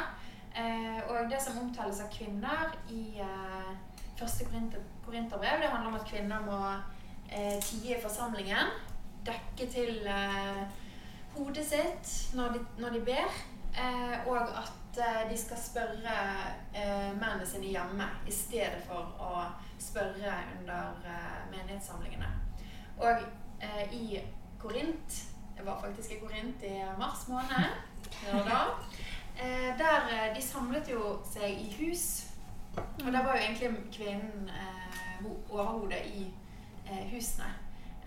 Og da Paulus sin sånn presisering der, den handler nok om at når man kom sammen som menighet, så kom man sammen som en offentlig forsamling, og ikke lenger som en familiesamling. Eh, og derfor så eh, måtte kvinnene være stille. Ja. Eh, det er jo én forklaring av det, og så har det eh, mange andre forklaringer òg. Men det er, det er det liksom ganske konsensus egentlig om i forskningen. at, Fordi de ikke skal snakke offentlig? ja, fordi at man ikke skulle støte noen, og fordi at eh, menigheten i Korint og alle andre steder som Paulus oppholdt seg, eh, skulle, skulle være menigheter og skulle eh, spre evangeliet om Jesus og ikke støte folk bort ifra det. Og derfor så eh, var Paulus opptatt av at her må vi være Vi må oppføre oss skikkelig ut ifra den konteksten som, som er forventet av oss. Jøde for Ja. jøde, greker for greker, og tilpasse seg der det passer. Ja. Ja, men det er egentlig litt sånn eh, Altså, eh, Jesus for eksempel, han var ganske støtende karakter. Jeg vet ikke om folk ser det, men han lager bare trøbbel for folk. Eh, og så kommer Paulus og bare Nei, nå skal vi bare gjøre akkurat det samme som alle andre gjør. Altså, eh, eh, men jeg, jeg, jeg, syns vi skal ta inn andre, eh, første Tim Første Ja. Timoteus brev to òg, for bare få liksom bare som noen av de tekstene som brukes mest for å si hvorfor skal vi ikke ha kvinnelige prester. Det er jo ganske tydelig hvor det står kvinner skal underordne seg, de skal være stille, de skal ikke undervise. Og det var kvinnen som lot seg lokke, eh, og det var de som brøt Gud. Altså, snakker med Adam og Eva igjen. Og det er en historie som har blitt brukt. Altså I norsk kirkehistorie så ble kvinner er ribbeins-natur. Det er jo under- det underordna kjønnet. Så det er jo ganske eh, Sånn som vi leser, det er jo vi som er oppdratt i uh, luthersk tror det er jo bare Bibelen alene. Du kan bare lese den sånn som den er. Dette er eh, for alle. Det er jo ganske direkte ord Ja. om det- Hva tenker dere? For en ting er du kan si sånn der eh, Jeg hørte på den Jesus-feminist-podkasten. De er sånn veldig, de vil forene alt og bare Bibel, alt stemmer. Det, vi har bare misforstått i, i alle disse menighetene. Så var det noen, noen damer som bare hylte ekstremt mye. Så Paulus måtte, måtte bare si til dem vær litt stille, fordi det er ikke sånn vi skal være her. Mm. Ja, jeg, jeg syns jo at de har, eh, de har noen veldig gode poenger. Ehm, men at det er òg mer å si enn enn det som kommer fram hos de. da. Um, for eksempel da, så var det ganske nytt for meg, egentlig. Jeg hadde jo hørt om endetid og dommedag og sånne ting før jeg begynte å studere teologi. Men var ikke, eh, det var ikke sånn at jeg leste Paulus sine ord om kvinner, f.eks., ut ifra ehm, det som jeg siden har lært da, om at eh, Paulus faktisk trodde at han levde i At Jesus sin, sin gjenkomst var rett rundt hjørnet. Ehm, og at han, eh, ja, han skrev ut ifra det, da. Og ikke som en eh, verken mannssjåvinist eller som en eh, feminist. For det er nyere begreper. Eh, og det, i Jesus Feminist-podden eh, så sier de jo at eh, jo, Paulus mente jo egentlig kanskje at eh, Mm. Eller Jesus mente egentlig kanskje at kvinner kan, kan løftes opp og, og sånn, da. Eh, men Ja, og jeg, tro, jeg tror jo det om eh, Jesus. Jeg tror jo at Jesus er jeg lever nå og eh, er med oss. Men at eh, det å pålegge sånne nyere begreper på, eh, på både Nye og Gamle testamentet, det er jo problematisk sånn ja, metodisk, Ja, de, de identifiserer seg jo ikke med feminismen, for det er mye seinere Ja. bevegelse. Men det er jo ikke det. Men her kan du bare tenke er de for eller mot at kvinner skal få lov til å undervise, lede, tale i menigheter. Det trenger du ikke knytte opp mot en filosofi. Altså, jeg er helt enig, Mm. fordi man bruker mye sånne betegnelser anakronistisk. Altså, du, du tar det etter at de er Mm. skapt, og i, inn i fortida, der de ikke hadde noe å gjøre. Men du kan fortsatt snakke om hvordan forholdt Paulus seg, hvordan forholdt Jesus seg til kvinner i menigheten, uten å dra feminismebegrepet inn i det. Det kan du gjøre. Men jeg tenker jo at det er jo um, for eksempel i Paulus i Korinterbrevet så er det jo på en måte en del Det er jo mer kompleksitet enn det vi ofte gir det på en måte kreditt for òg, på en måte. Fordi at det er jo på en måte Først så sier de på en måte sånn kvinner skal til forsamlingen. Før de på en måte Når de kommer til den der delen der de sier at du skal dekke hodet. Jeg vet ikke om dere har liksom sett det. Og der var snakk om at mannen er kvinnens hode. Så innleder de jo den delen med å si når du ber og profeterer. Så det er jo en viss sånn form for at kvinner kan for eksempel profetere i menigheten. da, og Det betyr jo at man ikke nødvendigvis skal være stille. ikke sant? Så jeg tenker jo òg at det sikkert på en måte Det har jo skjedd mye mer enn det vi får høre om òg, på en måte. Så jeg tenker sånn Greit om vi ikke skal tillegge meninger, men vi må jo på en måte også Jeg tenker det må jo være liksom en slags sånn åpenhet for at det nok skjedde mer enn man tror, at kvinner hadde sentrale oppgaver i den første kirke. Ja, det, liksom. det, det er jo tydelig i Bibelen. Ja. at De har det, for de, de er jo navngitt. Ja. har lederstillingene som Jeg jeg husker ikke navnet på men- Føde, er det ikke det? Blant, ja, det, det, det er en god del av de. Ja. Som, som, så det er det ikke tvil om at eh, dette er ikke hele sannheten. Mm. Men, men jeg blir sånn Hvis Paulus faktisk var for kvinnelig beste, da er du fuckings idiot i hodet ditt hvis du skriver disse versene her. Ja, ja. Fordi han vet jo at disse brevene som jeg skriver her, de får en autoritet. De kommer til å bli brukt. Ja, men han trodde jo òg at nå kommer snart Jesus snart tilbake og løser det her. Eh, og kvinnesynet på den tiden òg var jo Det var helt sånn utenfor hans eh, virkelighetsforståelse. Og i det hele tatt tenke at kvinner skulle være Skulle ha disse eh, disse eh, rollene. Og jeg har faktisk eh, eh, Per Kristian Sætre han skrev sin masteravhandling om eh, første koret 11. Forgrensen til eh, min master, faktisk. Eh, og han eh, sendte meg den, da. Eh, og der forteller han at eh, et av argumentene til at eh, kvinner skal dekke til hodet sitt og ikke være prester, er fordi at man trodde at håret til kvinnen, det var, det var kjønnsorganet til kvinnen. Fordi at man trodde at spermen til mannen lå i hodet. Og man trodde at eh, kvinnen sin eh, befruktning òg lå i hodet, men at den liksom ble dratt gjennom en sånn lodd ned i livmoren. da. Man skjønte hvordan man fikk barn, liksom. Det, ellers var det ikke mennesket kom så videre.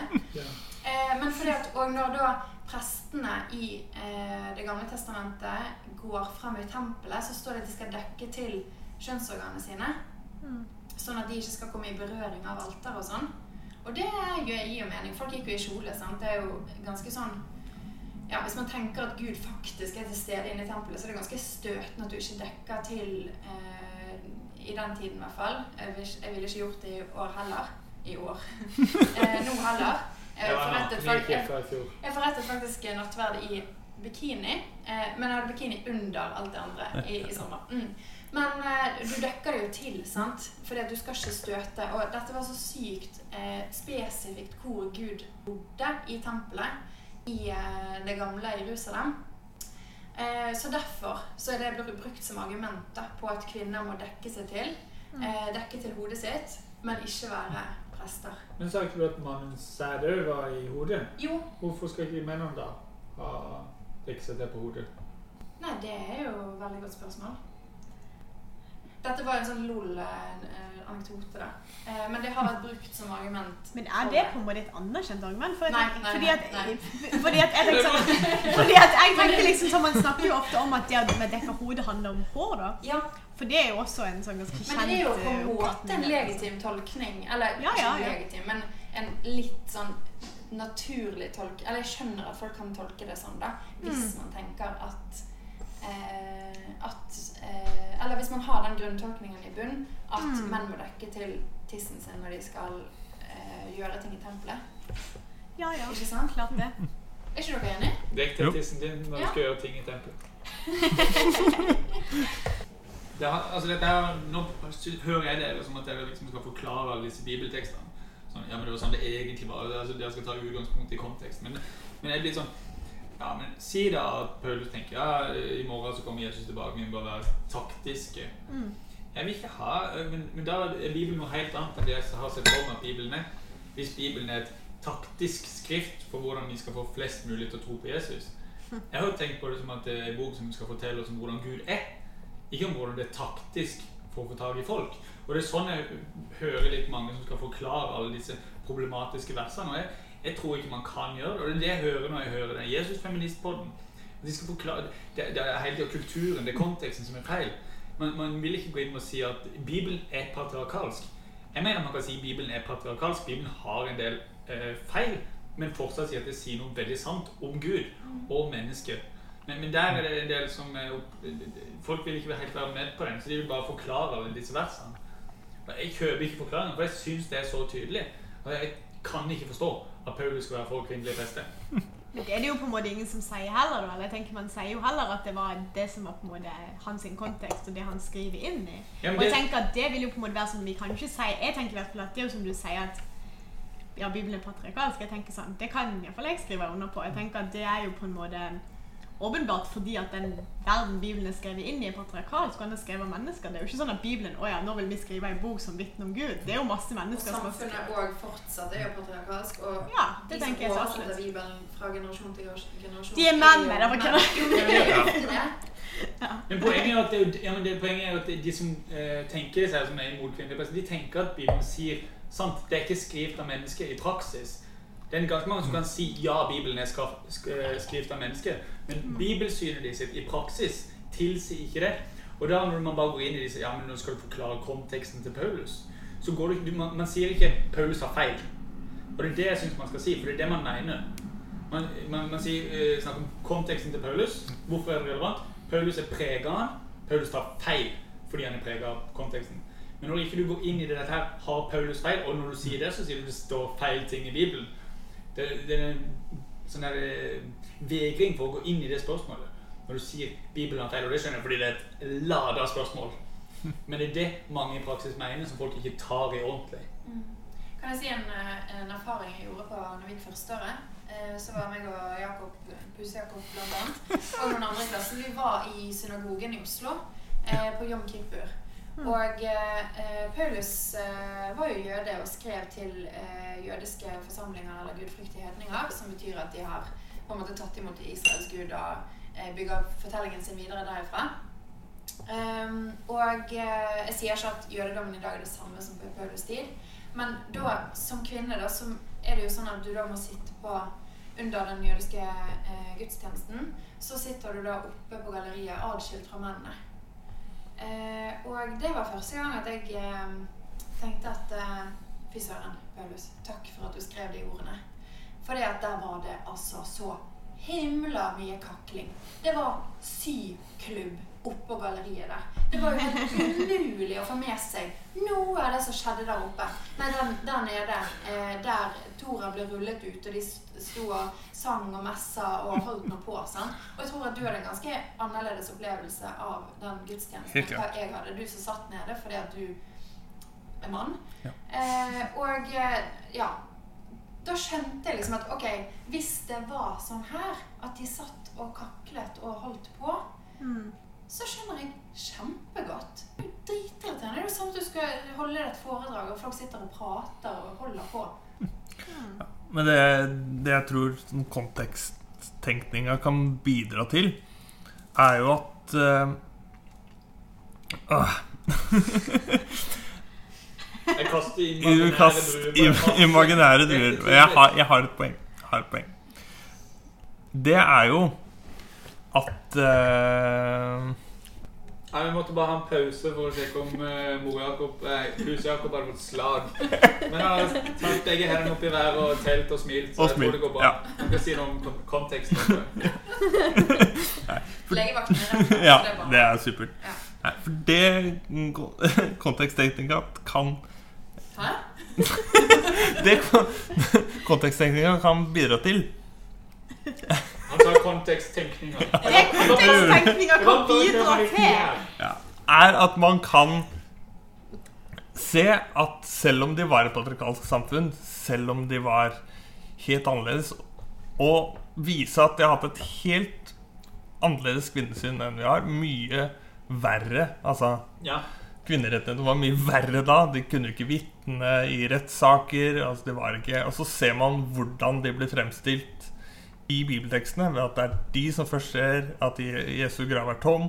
At de, at, eh, at de er dommere i Gamle Testamentet. At de har, led, at de har viktige skikkelser i eh, i eh, den tidlige kirken, og så ser man at her har man tenkt mye mer annerledes enn de gjorde da. Eh, og så med det bibelsynet som de som er mot kvinnelige prester har, så ser de Oi, men dette er akkurat sånn som vi har det nå. Så la oss bare ha det sånn. Eh, det er det, For de kjenner seg jo igjen. De leser teksten, og så kjenner de seg igjen og sier jo, men sånn har jeg hatt det. Det har vært bra. Presten har vært mann. Jeg har blitt kristen. Jeg har blitt sånn. Det er viktig. La oss fortsette å ha det sånn. Men det konteksten er med å vise, er at det var ikke sånn at kristendommen og Jesus og Paulus var radikale i sin kontekst på akkurat det området. Da. Som igjen kan legitimere at De var ikke kan- radikale, eller de var radikale. de var radikale ved å gi kvinner så mye plass som de faktisk gjorde. Men såpass radikale at det ikke ble støtende mm. for eh, evangeliets eh, framgang. For noen vil jo tro at det har vært støtende, tror du ikke det? Altså, når, når du bruker kvinner som vitne, første vitne om at han har stått opp Ja. Altså, Sikkert ikke sånn kaos, liksom, men, men jeg, jeg, jeg er jo helt enig. Jeg er ikke mot kontekst. Problemet mitt er bare at folk tar ikke konsekvensen av konteksten. Eh, man, har bare lyst, man har bare lyst til å si dette er konteksten, dette er sånn ut ifra forholdene, så er jo Paulus snill her. Ja.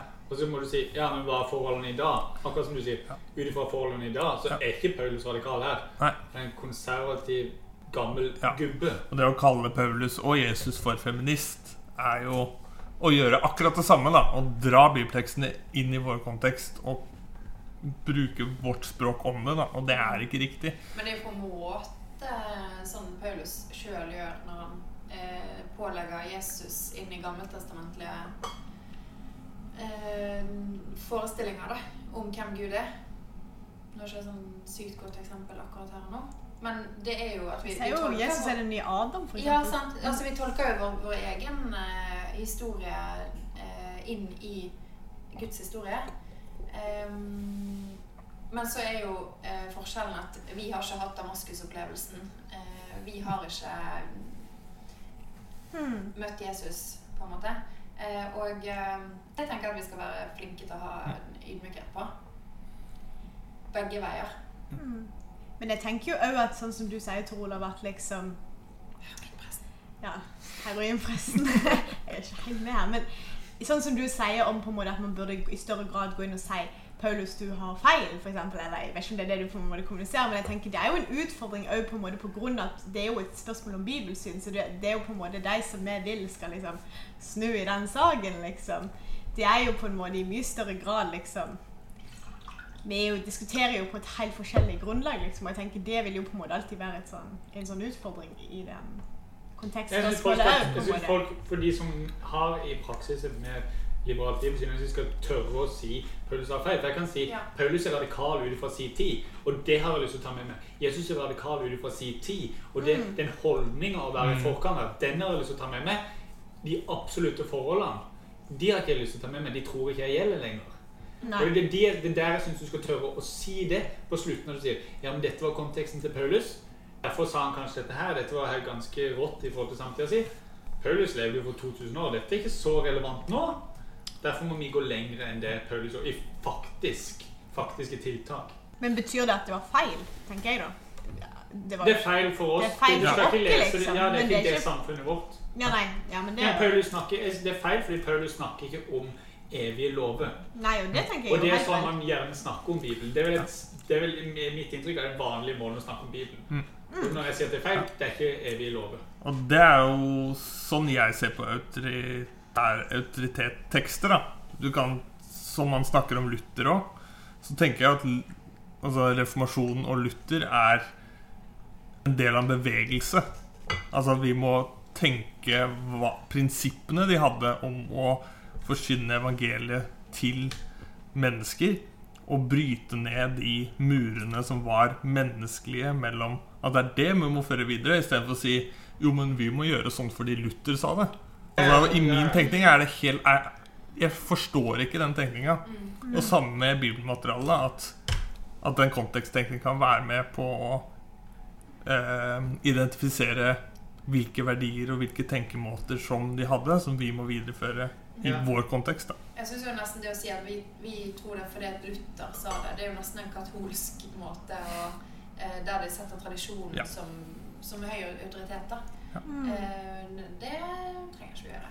Men jeg tenker det er jo litt annerledes med Luther og med Bibelen. Da, for jeg tenker det er jo veldig mange, som typisk I Luthers tradisjon så har vi jo på en måte, sånn som du har sagt tidligere, veldig sterkt fokus på liksom ordet alene. Eller, ja, det vel et konsept. Ja, ja, men- Og jeg tenker at det er jo en stor utfordring, tenker jeg, fordi at det er jo på en måte lett å på en måte tenke sånn Ja, folk bare Kan ikke folk liksom bare tenke litt forskjellig om det spørsmålet? Men det er jo et sånn samvittighetsspørsmål for mange, da. Jeg tenker Det er jo en stor ting, liksom, som på en måte Ja, men jeg tenker, jeg tenker Luther har feil når han sier at Bibelen er så tilgjengelig. Det er en bok som er skrevet for 2000 år siden. De siste bøkene. Altså, det, det er i en helt annen kultur. Du må skjønne kulturen for å skjønne Bibelen. Og han må jo dra det så langt i sin kontekst, fordi den kampen er helt annerledes nå enn da. Ja. Og det er i alle sånne kamper Også Jesus går inn i en sånn kamp ved å bryte og kritisere jødiske tradisjonen. Så må man trøkke til. Mm. må man gå i ytterkantene. Paulus må gå i ytterkantene. Luther må gå i ytterkantene. Og det gjør at vi kan ikke følge de Vi kan ikke dra de resonnementene inn i vår kontekst, da, fordi de er ekstreme fordi situasjonen er ekstrem. Men hva med samvittighetsfrihet, da? Eller liksom Folk må jo kunne mene det, liksom. Eller jeg tenker sånn Hva med samvittigheten alene? Samvittigheten alene. Det tenker jeg kanskje det nye lutherske slagordet, liksom. Ja, men Folk må kunne gjøre det de vil. Altså, jeg ønsker Det kan man gjøre noe med. Men det som problemet mitt er at folk tar det ikke langt nok.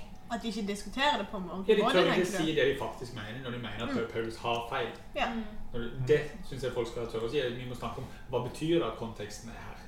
Og det der. Og, eh, eh, så det er jo derfor jeg, jeg må ja, Jeg må si det jeg mener om Gud. Jeg greier ikke si noe annet. Jeg greier ikke snakke om en Gud som ikke jeg tror på. Jeg må snakke om den Gud sånn som jeg tror Ja. Gud er. Og så er jeg klar på at jeg tar feil på en del ting. Uh, for det tror jeg er Det handler jo om bibelsyn. Dette spørsmålet handler om bibelsyn. Spørsmålet om homofilvigsel handler om bibelsyn. Vi kommer til samboerskap handler om bibelsyn. Det kommer sikkert flere spørsmål senere i vår prestekarriere som handler om bibelsyn. Jorden. Ja, men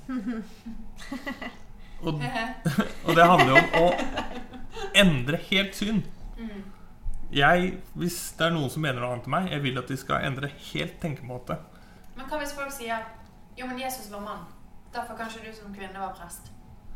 Eller Peter, som ble valgt til å være klippen. Apostelatet. Ja, var mann. Ikke, Her blir det sånn jeg greier ikke ta det Nei, men seriøst. Det er jo en seriøs tanke, spesielt i den katolske Ja, ja, kirken. ja. Så er det på en måte den førende tanken for at man ikke vil ha katolske prester. Ja, Liksom. men det er det jeg syns de er dumme. Jeg er. Ja. Greier ikke se at man skal representere Gud bedre. Sånn. Og, det, og jeg, Og jeg og tenker- barna min tid Jeg har vokst opp med at jeg tror at eh, kvinner og menn er verdt like mye, og ikke noe sånn Jeg er jo åpenbart enig med deg, for jeg er jo kvinnelig teologistudent. Men jeg tenker det, det er jo litt sånn ah, Det er jo sprøtt, da. Eller jeg blir jo litt sånn matt av den ja, tanken. da. det, jeg, vet at det er mange som gjør det, men, jeg greier ikke ta det seriøst. Fordi Men da Det kan er man jo bare slå i bordet med liksom motargumentet. da, at Bruker du kjønnsorganene til å være prest? Gjør du det, Så burde du kanskje slutte. så burde du kanskje ikke være prest. Derfor trenger vi alle kjønn til å være prest. Det var vel så alvorlig jeg tror, tror hele representasjonstanken. Men jeg tenker jo at det er jo ganske sånn sjukt òg. Sånn i Den norske kirke liksom, de har jo kjempeproblemer med rekruttering. liksom. Hvordan, hvis man liksom, Det er jo også bare sånn pragmatisk spørsmål. liksom, det er jo ikke, Hvis du bare skulle ha mannlige prester, liksom, det hadde jo ikke vært det hadde vært enda flere ubesatte stillinger da enn det det faktisk allerede er nå. liksom. Men jeg har jo ikke lyst til å gå inn i en prestestilling fordi at det ikke er noen menn som har lyst til å jobbe som det Det er nødsprinsippet til Hans eh, Nilsen Hauge. Altså, Det er jo det er, jo, det er sånn han begrunner er kvinnelige ledere. Du må tenke på at ingen kan noen. Jeg vet heller ikke hva det betyr. Kan du ikke forklare det? Nei, nødsprinsippet handler jo bare Jeg vet ikke om det, jeg vet ikke om det er kjønnsbasert, egentlig, men det handler jo bare om at liksom, det er ikke nok folk. Og du vet, høsten er og arbeiderne får å kjøre på, liksom. Det er jo litt sånn Kjør på, det kan jeg godt gjøre. Men ja, det er jo klart at det er jo Jeg vet ikke, Det er jo sånn som du sier, Tor Olav, at jeg kan jo kjenne på at det blir litt sånn Ja ja, det gjelder ikke meg, liksom. Litt sånn at Jeg kjenner jo ikke på at liksom Ja, men Jeg greier ikke ta argumentene seriøst. At du, at du skal representere Gud bedre som mann Her, men det er jo- Det er jo en direkte representasjonstanke. ikke sant? At du liksom tenker at du representerer Gud, og derfor må du representerer liksom Jesus, og Jesus var mann, derfor så må du være mann, liksom. Ja, men jeg skjønner det ikke. Ja, det er jo, jeg syns jo det er tåpelig. Jeg kunne aldri ordet, ordet var mann. Kunne Men visdommen i Sofia var jo Ja, kvinne. Johannes kunne brukt Vet du hva? I begynnelsen var visdommen, og visdommen var kvinne. Eller i hvert fall bøyd i feminin forsvingende. Feiler deg, Johannes. Skam deg. Men du vet at han var jo kontekstuell barna sin tid. du Ja, stakkars mann. Åh. Men hvorfor er det greit med kvinnelige prester. Jeg tenker jo på en måte at det handler jo litt om hvordan jeg tenker på en måte at um, det er vanskelig å tenke på kvinnelige prester som noe sånn adskilt fra selv kvinnefrigjøringa som konsept. Da. Det tenkte jeg veldig mye på før vi liksom begynte i dag. At det er jo jeg tenker jo at det er et kristent anliggende med kvinnefrigjøring. ikke sant? Jeg tenker at på en måte det at vi på en måte har, har hatt en sånn veldig skjevhet mellom kvinner og menn, det er jo på en måte ja, Jeg ser det som et resultat av syndefallet. liksom, At det liksom vi har, at, vi, at det har blitt sånn. liksom, Og jeg tenker det at som alt annet på en måte likestilling, tenker jeg at det er jo sånn det skal være. på en måte. Vi skal tilbake til en slags eller vi må ha som mål å jobbe oss tilbake til en sånn Edens hage. Så jeg tenker det er jo på en måte det største argumentet, at det er jo det som er rett. Ja, men hva, hva er det du sier? Fordi kvinnefrigjøringa sier det? Nei, jeg sier det fordi at jeg tror at det er et jeg tror jo at Gud har skapt dere til en måte som like og like, likeverdige. Jeg tenker Det er ikke noen grunn til at vi ikke skulle kunne være det. Men det. sier de òg i, i Jesusfeministpodden at eh, ofte så er det bare sånn Å ja, fordi at samfunnet sier det, så må vi som kirke gjøre det. At man må være flinkere til å begrunne det teologisk hvorfor vi skal ha kvinnelige prester. Ja, men jeg tenker det er jo bare alt det handler Jeg tenker jo at det primært Jeg tenker at kvinnefri, For min del med kvinnefrigjøring så handler det om Så er det teologisk begrunna. Det Ja, det, det, det, det, er jo det når du sier vi er skapt som like. Ikke det, det handler om kvinnefrigjøring. Det, er der- det er der man har en del å gå på i kommunikasjon, tror jeg. Jeg leste faktisk nettopp Jeg leste om dette her med likestilling i ekteskapet da, i dag, og da skrev de litt om den hebraiske bruken av ordet liksom, i skapelsesberetningen. Og da skrev de liksom om det at man ofte sier at Adam på en måte er mann, da, men begge, både kvinne og mann, ble skapt som Adam. liksom. Mm. Så de ble skapt som mennesker, liksom, ikke som kvinne og mann. liksom. Mm. Adam betyr menneske på Mm. Så jeg tenker det er jo Men altså, det, det handler jo om en sånn virkelighetsforståelse. Sant? Det handler om en teologisk forståelse. Altså, Ja, man kan jo lese det sånn som menn, da. Vi kommer ikke utenom det. Men det, for det er jo når jeg hører, Selv om det hadde stått det i skapelsesberetninga Men jeg tenker selv om det hadde i skapelsesberetninga at det hadde stått at kvinnen er underordna, så har jeg fortsatt for, når jeg leser evangeliet, når jeg leser hvem Jesus er, så oppfatter jeg at eh, man er like mye verdt. Så om det hadde stått noe annet i skapelsesberetninga for min del, så hadde jeg fortsatt sagt at vi Ja. er like mye verdt. Og jeg driter i at det står noe annet i skapelsesberetninga, fordi det er skrevet amen i ei tid. Og så tenker jeg jo også at det på en måte handler jo litt om hva man tenker Hva er kjerneverdiene i kristendommen, sånn som man ser det, sånn som jeg ser det. Og jeg tenker jo at det handler jo om på en måte Om at vi er like, og om at vi på en måte ikke skal Ja. behandles rettferdig. Ikke så at vi skal behandles rettferdig, ikke at vi ikke skal det. Men jeg tenker det er jo jeg vet ikke, det handler jo, jeg tenker jo at det er digg at det står i skapelsesberetninger som man på en måte kan se Ja, ja, ja, ja men jeg, jeg, jeg, jeg syns det hjelper med det der. Jeg syns ikke man skal være avhengig av det. Nei, men det er man når ikke heller. summen av hvem jeg tror Gud er, Mm. så trenger jeg ikke det. Og da trenger jeg ikke støtte meg på de enkelte. Så det er det som er skummelt med å gå inn i de versene, for da er Ja, avhengig. For da går du direkte inn mot disse Paulus-versene. Da blir du nødt til å gå vers mot vers, og ikke gå prinsippet. Så jeg er jo kjempeglad for at det står det, men det bør ikke være hovedargumentet vi tyr til. Men tenker det handler jo litt om virkelighetsoppfatning. Da, eller på en måte hvordan, og jeg tenker ikke det primært er basert på liksom sånn Edens hage, men at man på en måte tenker at Mennesker er mennesker, da. ja, og, og at man på en måte tenker det har skjedd altså Verden akkurat nå er ikke sånn som man skal være. på en måte, At det at jeg tenker kristen kall er det liksom rettferdighet, liksom. Og tenker, det tenker jeg. At det på en måte er primærkall som kristen. At det å jobbe for rettferdighet og rettferdighet mellom kjønn er på en måte et av de aller viktigste områdene i rettferdighetsspørsmålet, tenker jeg. da. Så det er jo på en måte, og da blir jo på en måte Det hadde jo vært veldig rart hvis vi skulle vært veldig opptatt av kjønnsrettferdighet og så bare ikke hatt kvinnelige prester, liksom. Det hadde jo vært veldig sånn miskommuniserende på en måte. Så jeg tenker det henger jo For meg så er det på en måte henger det jo bare dypt sammen med mange andre ting, liksom. Men jeg tenker vi trenger jo kvinnelige prester fordi vi trenger kvinnelige forbilder for å bryte med alle fordommene som liksom er ute og går, da, på en måte. Fordi jeg tenker det er jo Og hvis det er forskjell på kjønnene, da, så trenger man jo Og vi, vi alle er skapt i Guds bilde, og det er forskjell på kjønnene, så er det helt selvfølgelig at vi trenger begge kjønn, eller alle kjønn. Unnskyld, jeg klarer ikke å si den lyden, så det kan man sikkert få tilbakemeldinger på. Men man trenger alle kjønn Kjønn. kjønn, kjønn i prestetjenester for å vise hvem Gud er.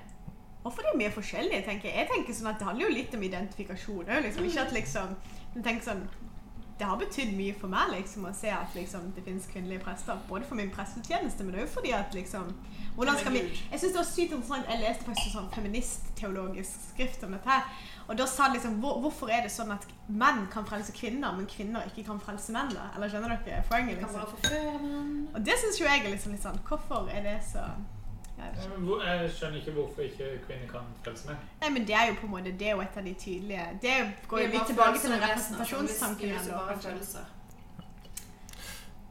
Nei, jeg fikk litt lyst til å snakke om tanken om Guds rike. At Guds rike skal være til stede i verden. Jeg tenker Det har noe med progresjonen da. At vi vil tilbake til Eden. Vi vil tilbake, Allerede nå, ennå ikke. ja, vi vil tilbake før Viktig syndefallet. Vi vil jo ikke tilbake til den bibelske situasjonen hvor Jesus levde. For han kritiserte jo alt rundt seg. Vi vil jo at til- ting skal endre seg. Vil ha litt skryt? Ja, men det at kristendommen har vært Jeg tenker at det at kristendommen har vært en del av verden, og det at den bevegelsen som har starta for fullt undergrunnsbevegelse, blitt verdensomspennende At det har gjort noe med samfunnet, gjort noe med verden, som har gjort verden annerledes. Og det betyr jo ikke at vi skal Så kommer folk og sier at ja, men vi skal tilbake. Vi skal Jeg tenker at kvinnefrigjøring er en del av, av å bygge Guds rike på jord. Og det er hvordan man tenker, tenker om det, at vi skal faktisk Vi er kalt til å bringe verden eh, framover. Eller bakover, hvis du tenker ja. Er det noe spesielt mer dere vil si om dette temaet? Nei, jeg er tømt, jeg. Tømt, faktisk. Ja. Oi. Takk for ditt bidrag. Kanskje Kaja skal si takk? Nei. Men, Og Ok, jeg synes wow. nå, ja, Noen sitter og har fløyt. Alle andre Nei, Marte sin ikke også og fløyt. De andre to Nei, vi er på, på double date, så det er Eh, Men eh, det jeg skulle si til slutt, er at eh, det vi har snakka om, er å prøve egentlig å. Ja, fordi jeg er mann. Ja. Det er ikke fordi jeg er mann, det er fordi jeg har planlagt å si Du er programleder. Ja, Og du er mann. Ja. Hvorfor ja men det er irrelevant. Hvorfor er mann? Jeg jeg kan spørre deg hjemme etterpå. er Jeg kan bytte Nei, det har jeg ikke lyst. Wow. Confirmation bias. Uh, mennesket, statistisk, prøver å finne eh, argumenter for det de allerede mener. Og de avviser de som, det som går imot eh, det de tror. Altså, sånn Statistisk så gjør vi det. Så det er veldig vanskelig å, å endre mening. For det, vi er i hvert fall utvikla sånn at vi prøver å forbli med den meninga og velge data ut fra hva som passer oss. Eh, og det vil jo si at det er veldig vanskelig å overbevise noen om at de har feil. Eh, og jeg leste en eller annen artikkel om confirmation bias her om dagen, og jeg har tatt med et sitat fra en som heter Max Planck her om dagen. Jeg husker at jeg hadde hørt om han, jeg husker ikke hvem det var. Ja, han er en mann, ja. Han heter Ja. Max. Jeg syns kanskje du må stokke det litt mer. Ja, først og fremst en- er først og fremst en planke. Ja, det, det, jeg visste ikke hvem det var. Jeg skal si hvem det var. Jeg, jeg googla han, og han var flink i fysikk for 100 år siden. Eh, og her er, er sitatet hans sitt. Eh, A new scientific truth does not triumph by convincing its opponents and making them see the light, but rather because its opponents eventually die, and a new generation grows up that is uh, familiar with it. Uh, og hvis man skal si det sånn, så trenger vi trenger ikke å overbevise de som har feil. Vi kan bare la de dø. Uh, og så må vi bare passe på at de nye folkene mener det riktige. Og det tenker jeg faktisk er en del i. At en del er det rett og slett umulig å overbevise, og kanskje man ikke skal bruke så mye krefter på det. Men tenke litt Ja, men hvem er det vi kan påvirke her? At vi trenger ikke snu alle, for vi får det ikke til. Eh, og så kan vi gjøre det beste med de som vokser opp og fortsatt er mulig å endre. Så kan vi være litt positive og se at utviklingen går i rett vei, selv om det er fortsatt delte meninger. Og derfor trenger vi kvinner i trosopplæringen. Kvinnelige prester. Kvinnelige prester og andre kirkelige stillinger, som også er kjempeviktig. Og jeg tenker vi trenger mannlige diakoner, kanskje. Ja. Hvis jeg kan få lov til å si noe om det. Enig da, til å sette en drue fast i halsen. Hvem to siste ordet?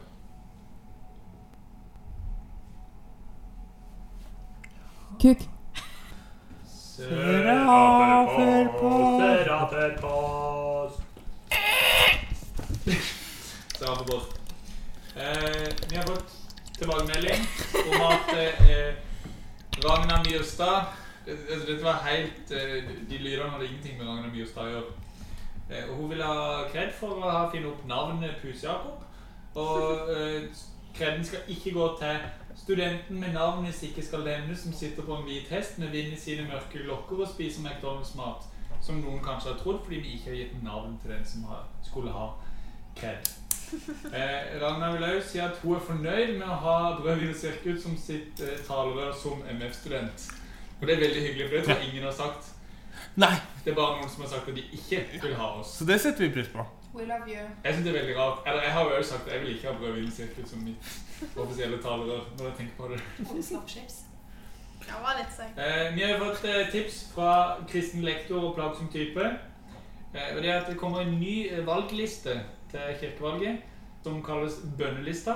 Jeg vet ikke om dere har sett det? Jo, fått det med meg. En video den bør vi faktisk legge ut. Eh, hvor de har lagd eh, en video som en reportasje, som en, en nøytral reportasje. Jeg har sett den, for å si det sånn. Eh, Lagt opp som nyhetsreportasje om eh, hvorfor eh, trenger vi et alternativ til dette her. Og det er jo propaganda. Eh, og det er jo fair, men det som er teit, er at de later som at de er det er bare en random nyhetssak. Men er det liksom bønnelista fordi at det er de som ber, liksom? Ja, Bønn er viktig. Syns du ikke bønn er viktig? Og du skal bli prest? Jeg syns at bønn er viktig. Men jeg bare lurer på om de er liksom prest. Ja, det er det verste. Bare er det fordi at de ber mer enn andre at de heter bønnelista? Det er fordi de har behov for å vise at de ber mer. Og føler at de ber på riktig måte. Jeg tror faktisk de ber mer. Ja, Jeg tror. Men bønn kan jo defineres som uh, jeg tror de ber mer til uansett. Okay. Ja, Det er rar måte å definere det på med tanke på hvordan man vanligvis snakker om bønn. Men vi, vi legger det ut, da. Ja, vi legger det ut. Vi har fått tips fra kristen lektor og plagsom type om at eh, eh, NLA har eh, kan ha ambisjoner om å bli det nye MF.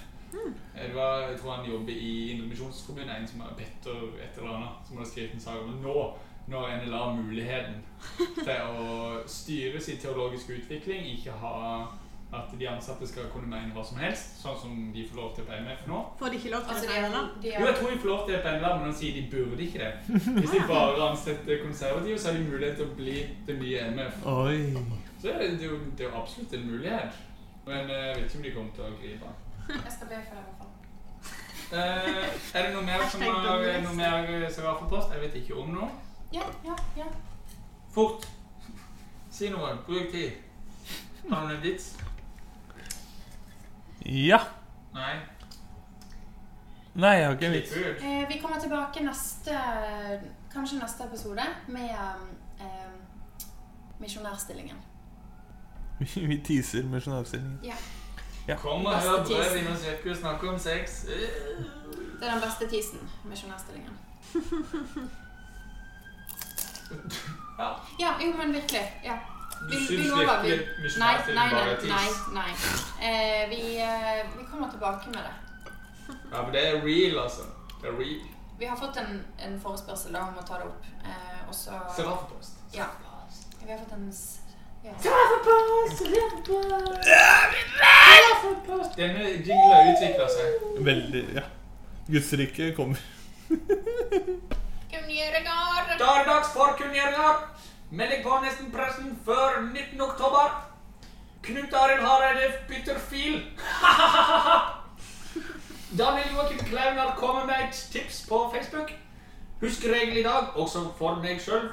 Om man faller for fristelsen om å karikere ens politiske fiender i løpet av dagen, er man en del av problemet uansett hvor god man tenker at ens egen side er.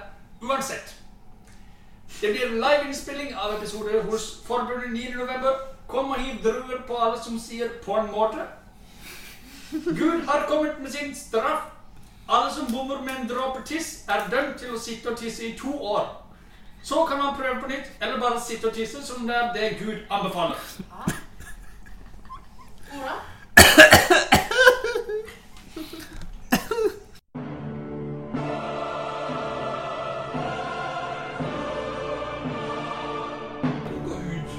Går.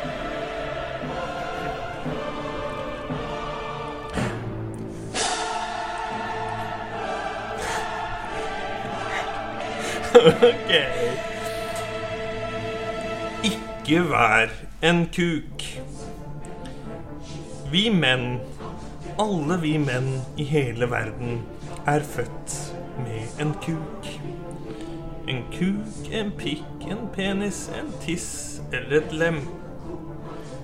Dette lemmet, denne kuken, denne penisen er til for å brukes. Til å urinere, til å gjøre andre ting. Den er ikke til for at du skal bli som den. Altfor mange menn blir en kuk. De reiser seg opp når de ikke skal, og tar plass og vifter rundt med seg selv i sosiale settinger.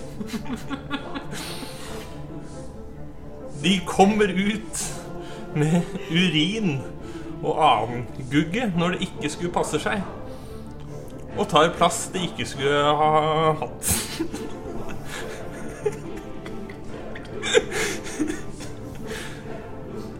Dette, mine damer og herrer, gjelder også i kirken. Det er fullt av kuk.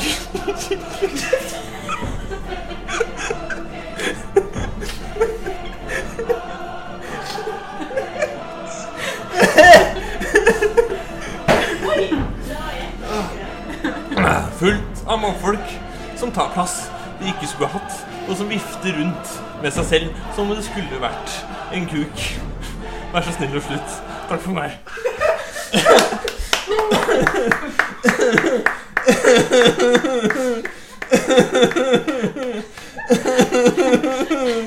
Åh, Åh, jeg ble svett. Huff. Ja, det er sikkert den. Jo. Jeg følte han litt behov for det, faktisk. Ja, ja. Åh. Han bare Jeg følte han plutselig ble møkings. Det er helt, Helt karakterskifte. Han har aldri ledd så mye av seg sjøl. Jeg har erfart det, det kan jeg si før. Du, det var jo veldig gøy. Ja. Det gikk over all forventning. Har du lyst til å blåse ut det lyset bak deg? Åh, takk for i dag. Takk for ja. Takk for i dag. Båndet går. Brød, vin og sirkus, hei, hei. Her er programmet Ragna Myrstad. Ragna Myrstad. Brød, vin og sirkus, hei, hei. Bli med Jesus og meg.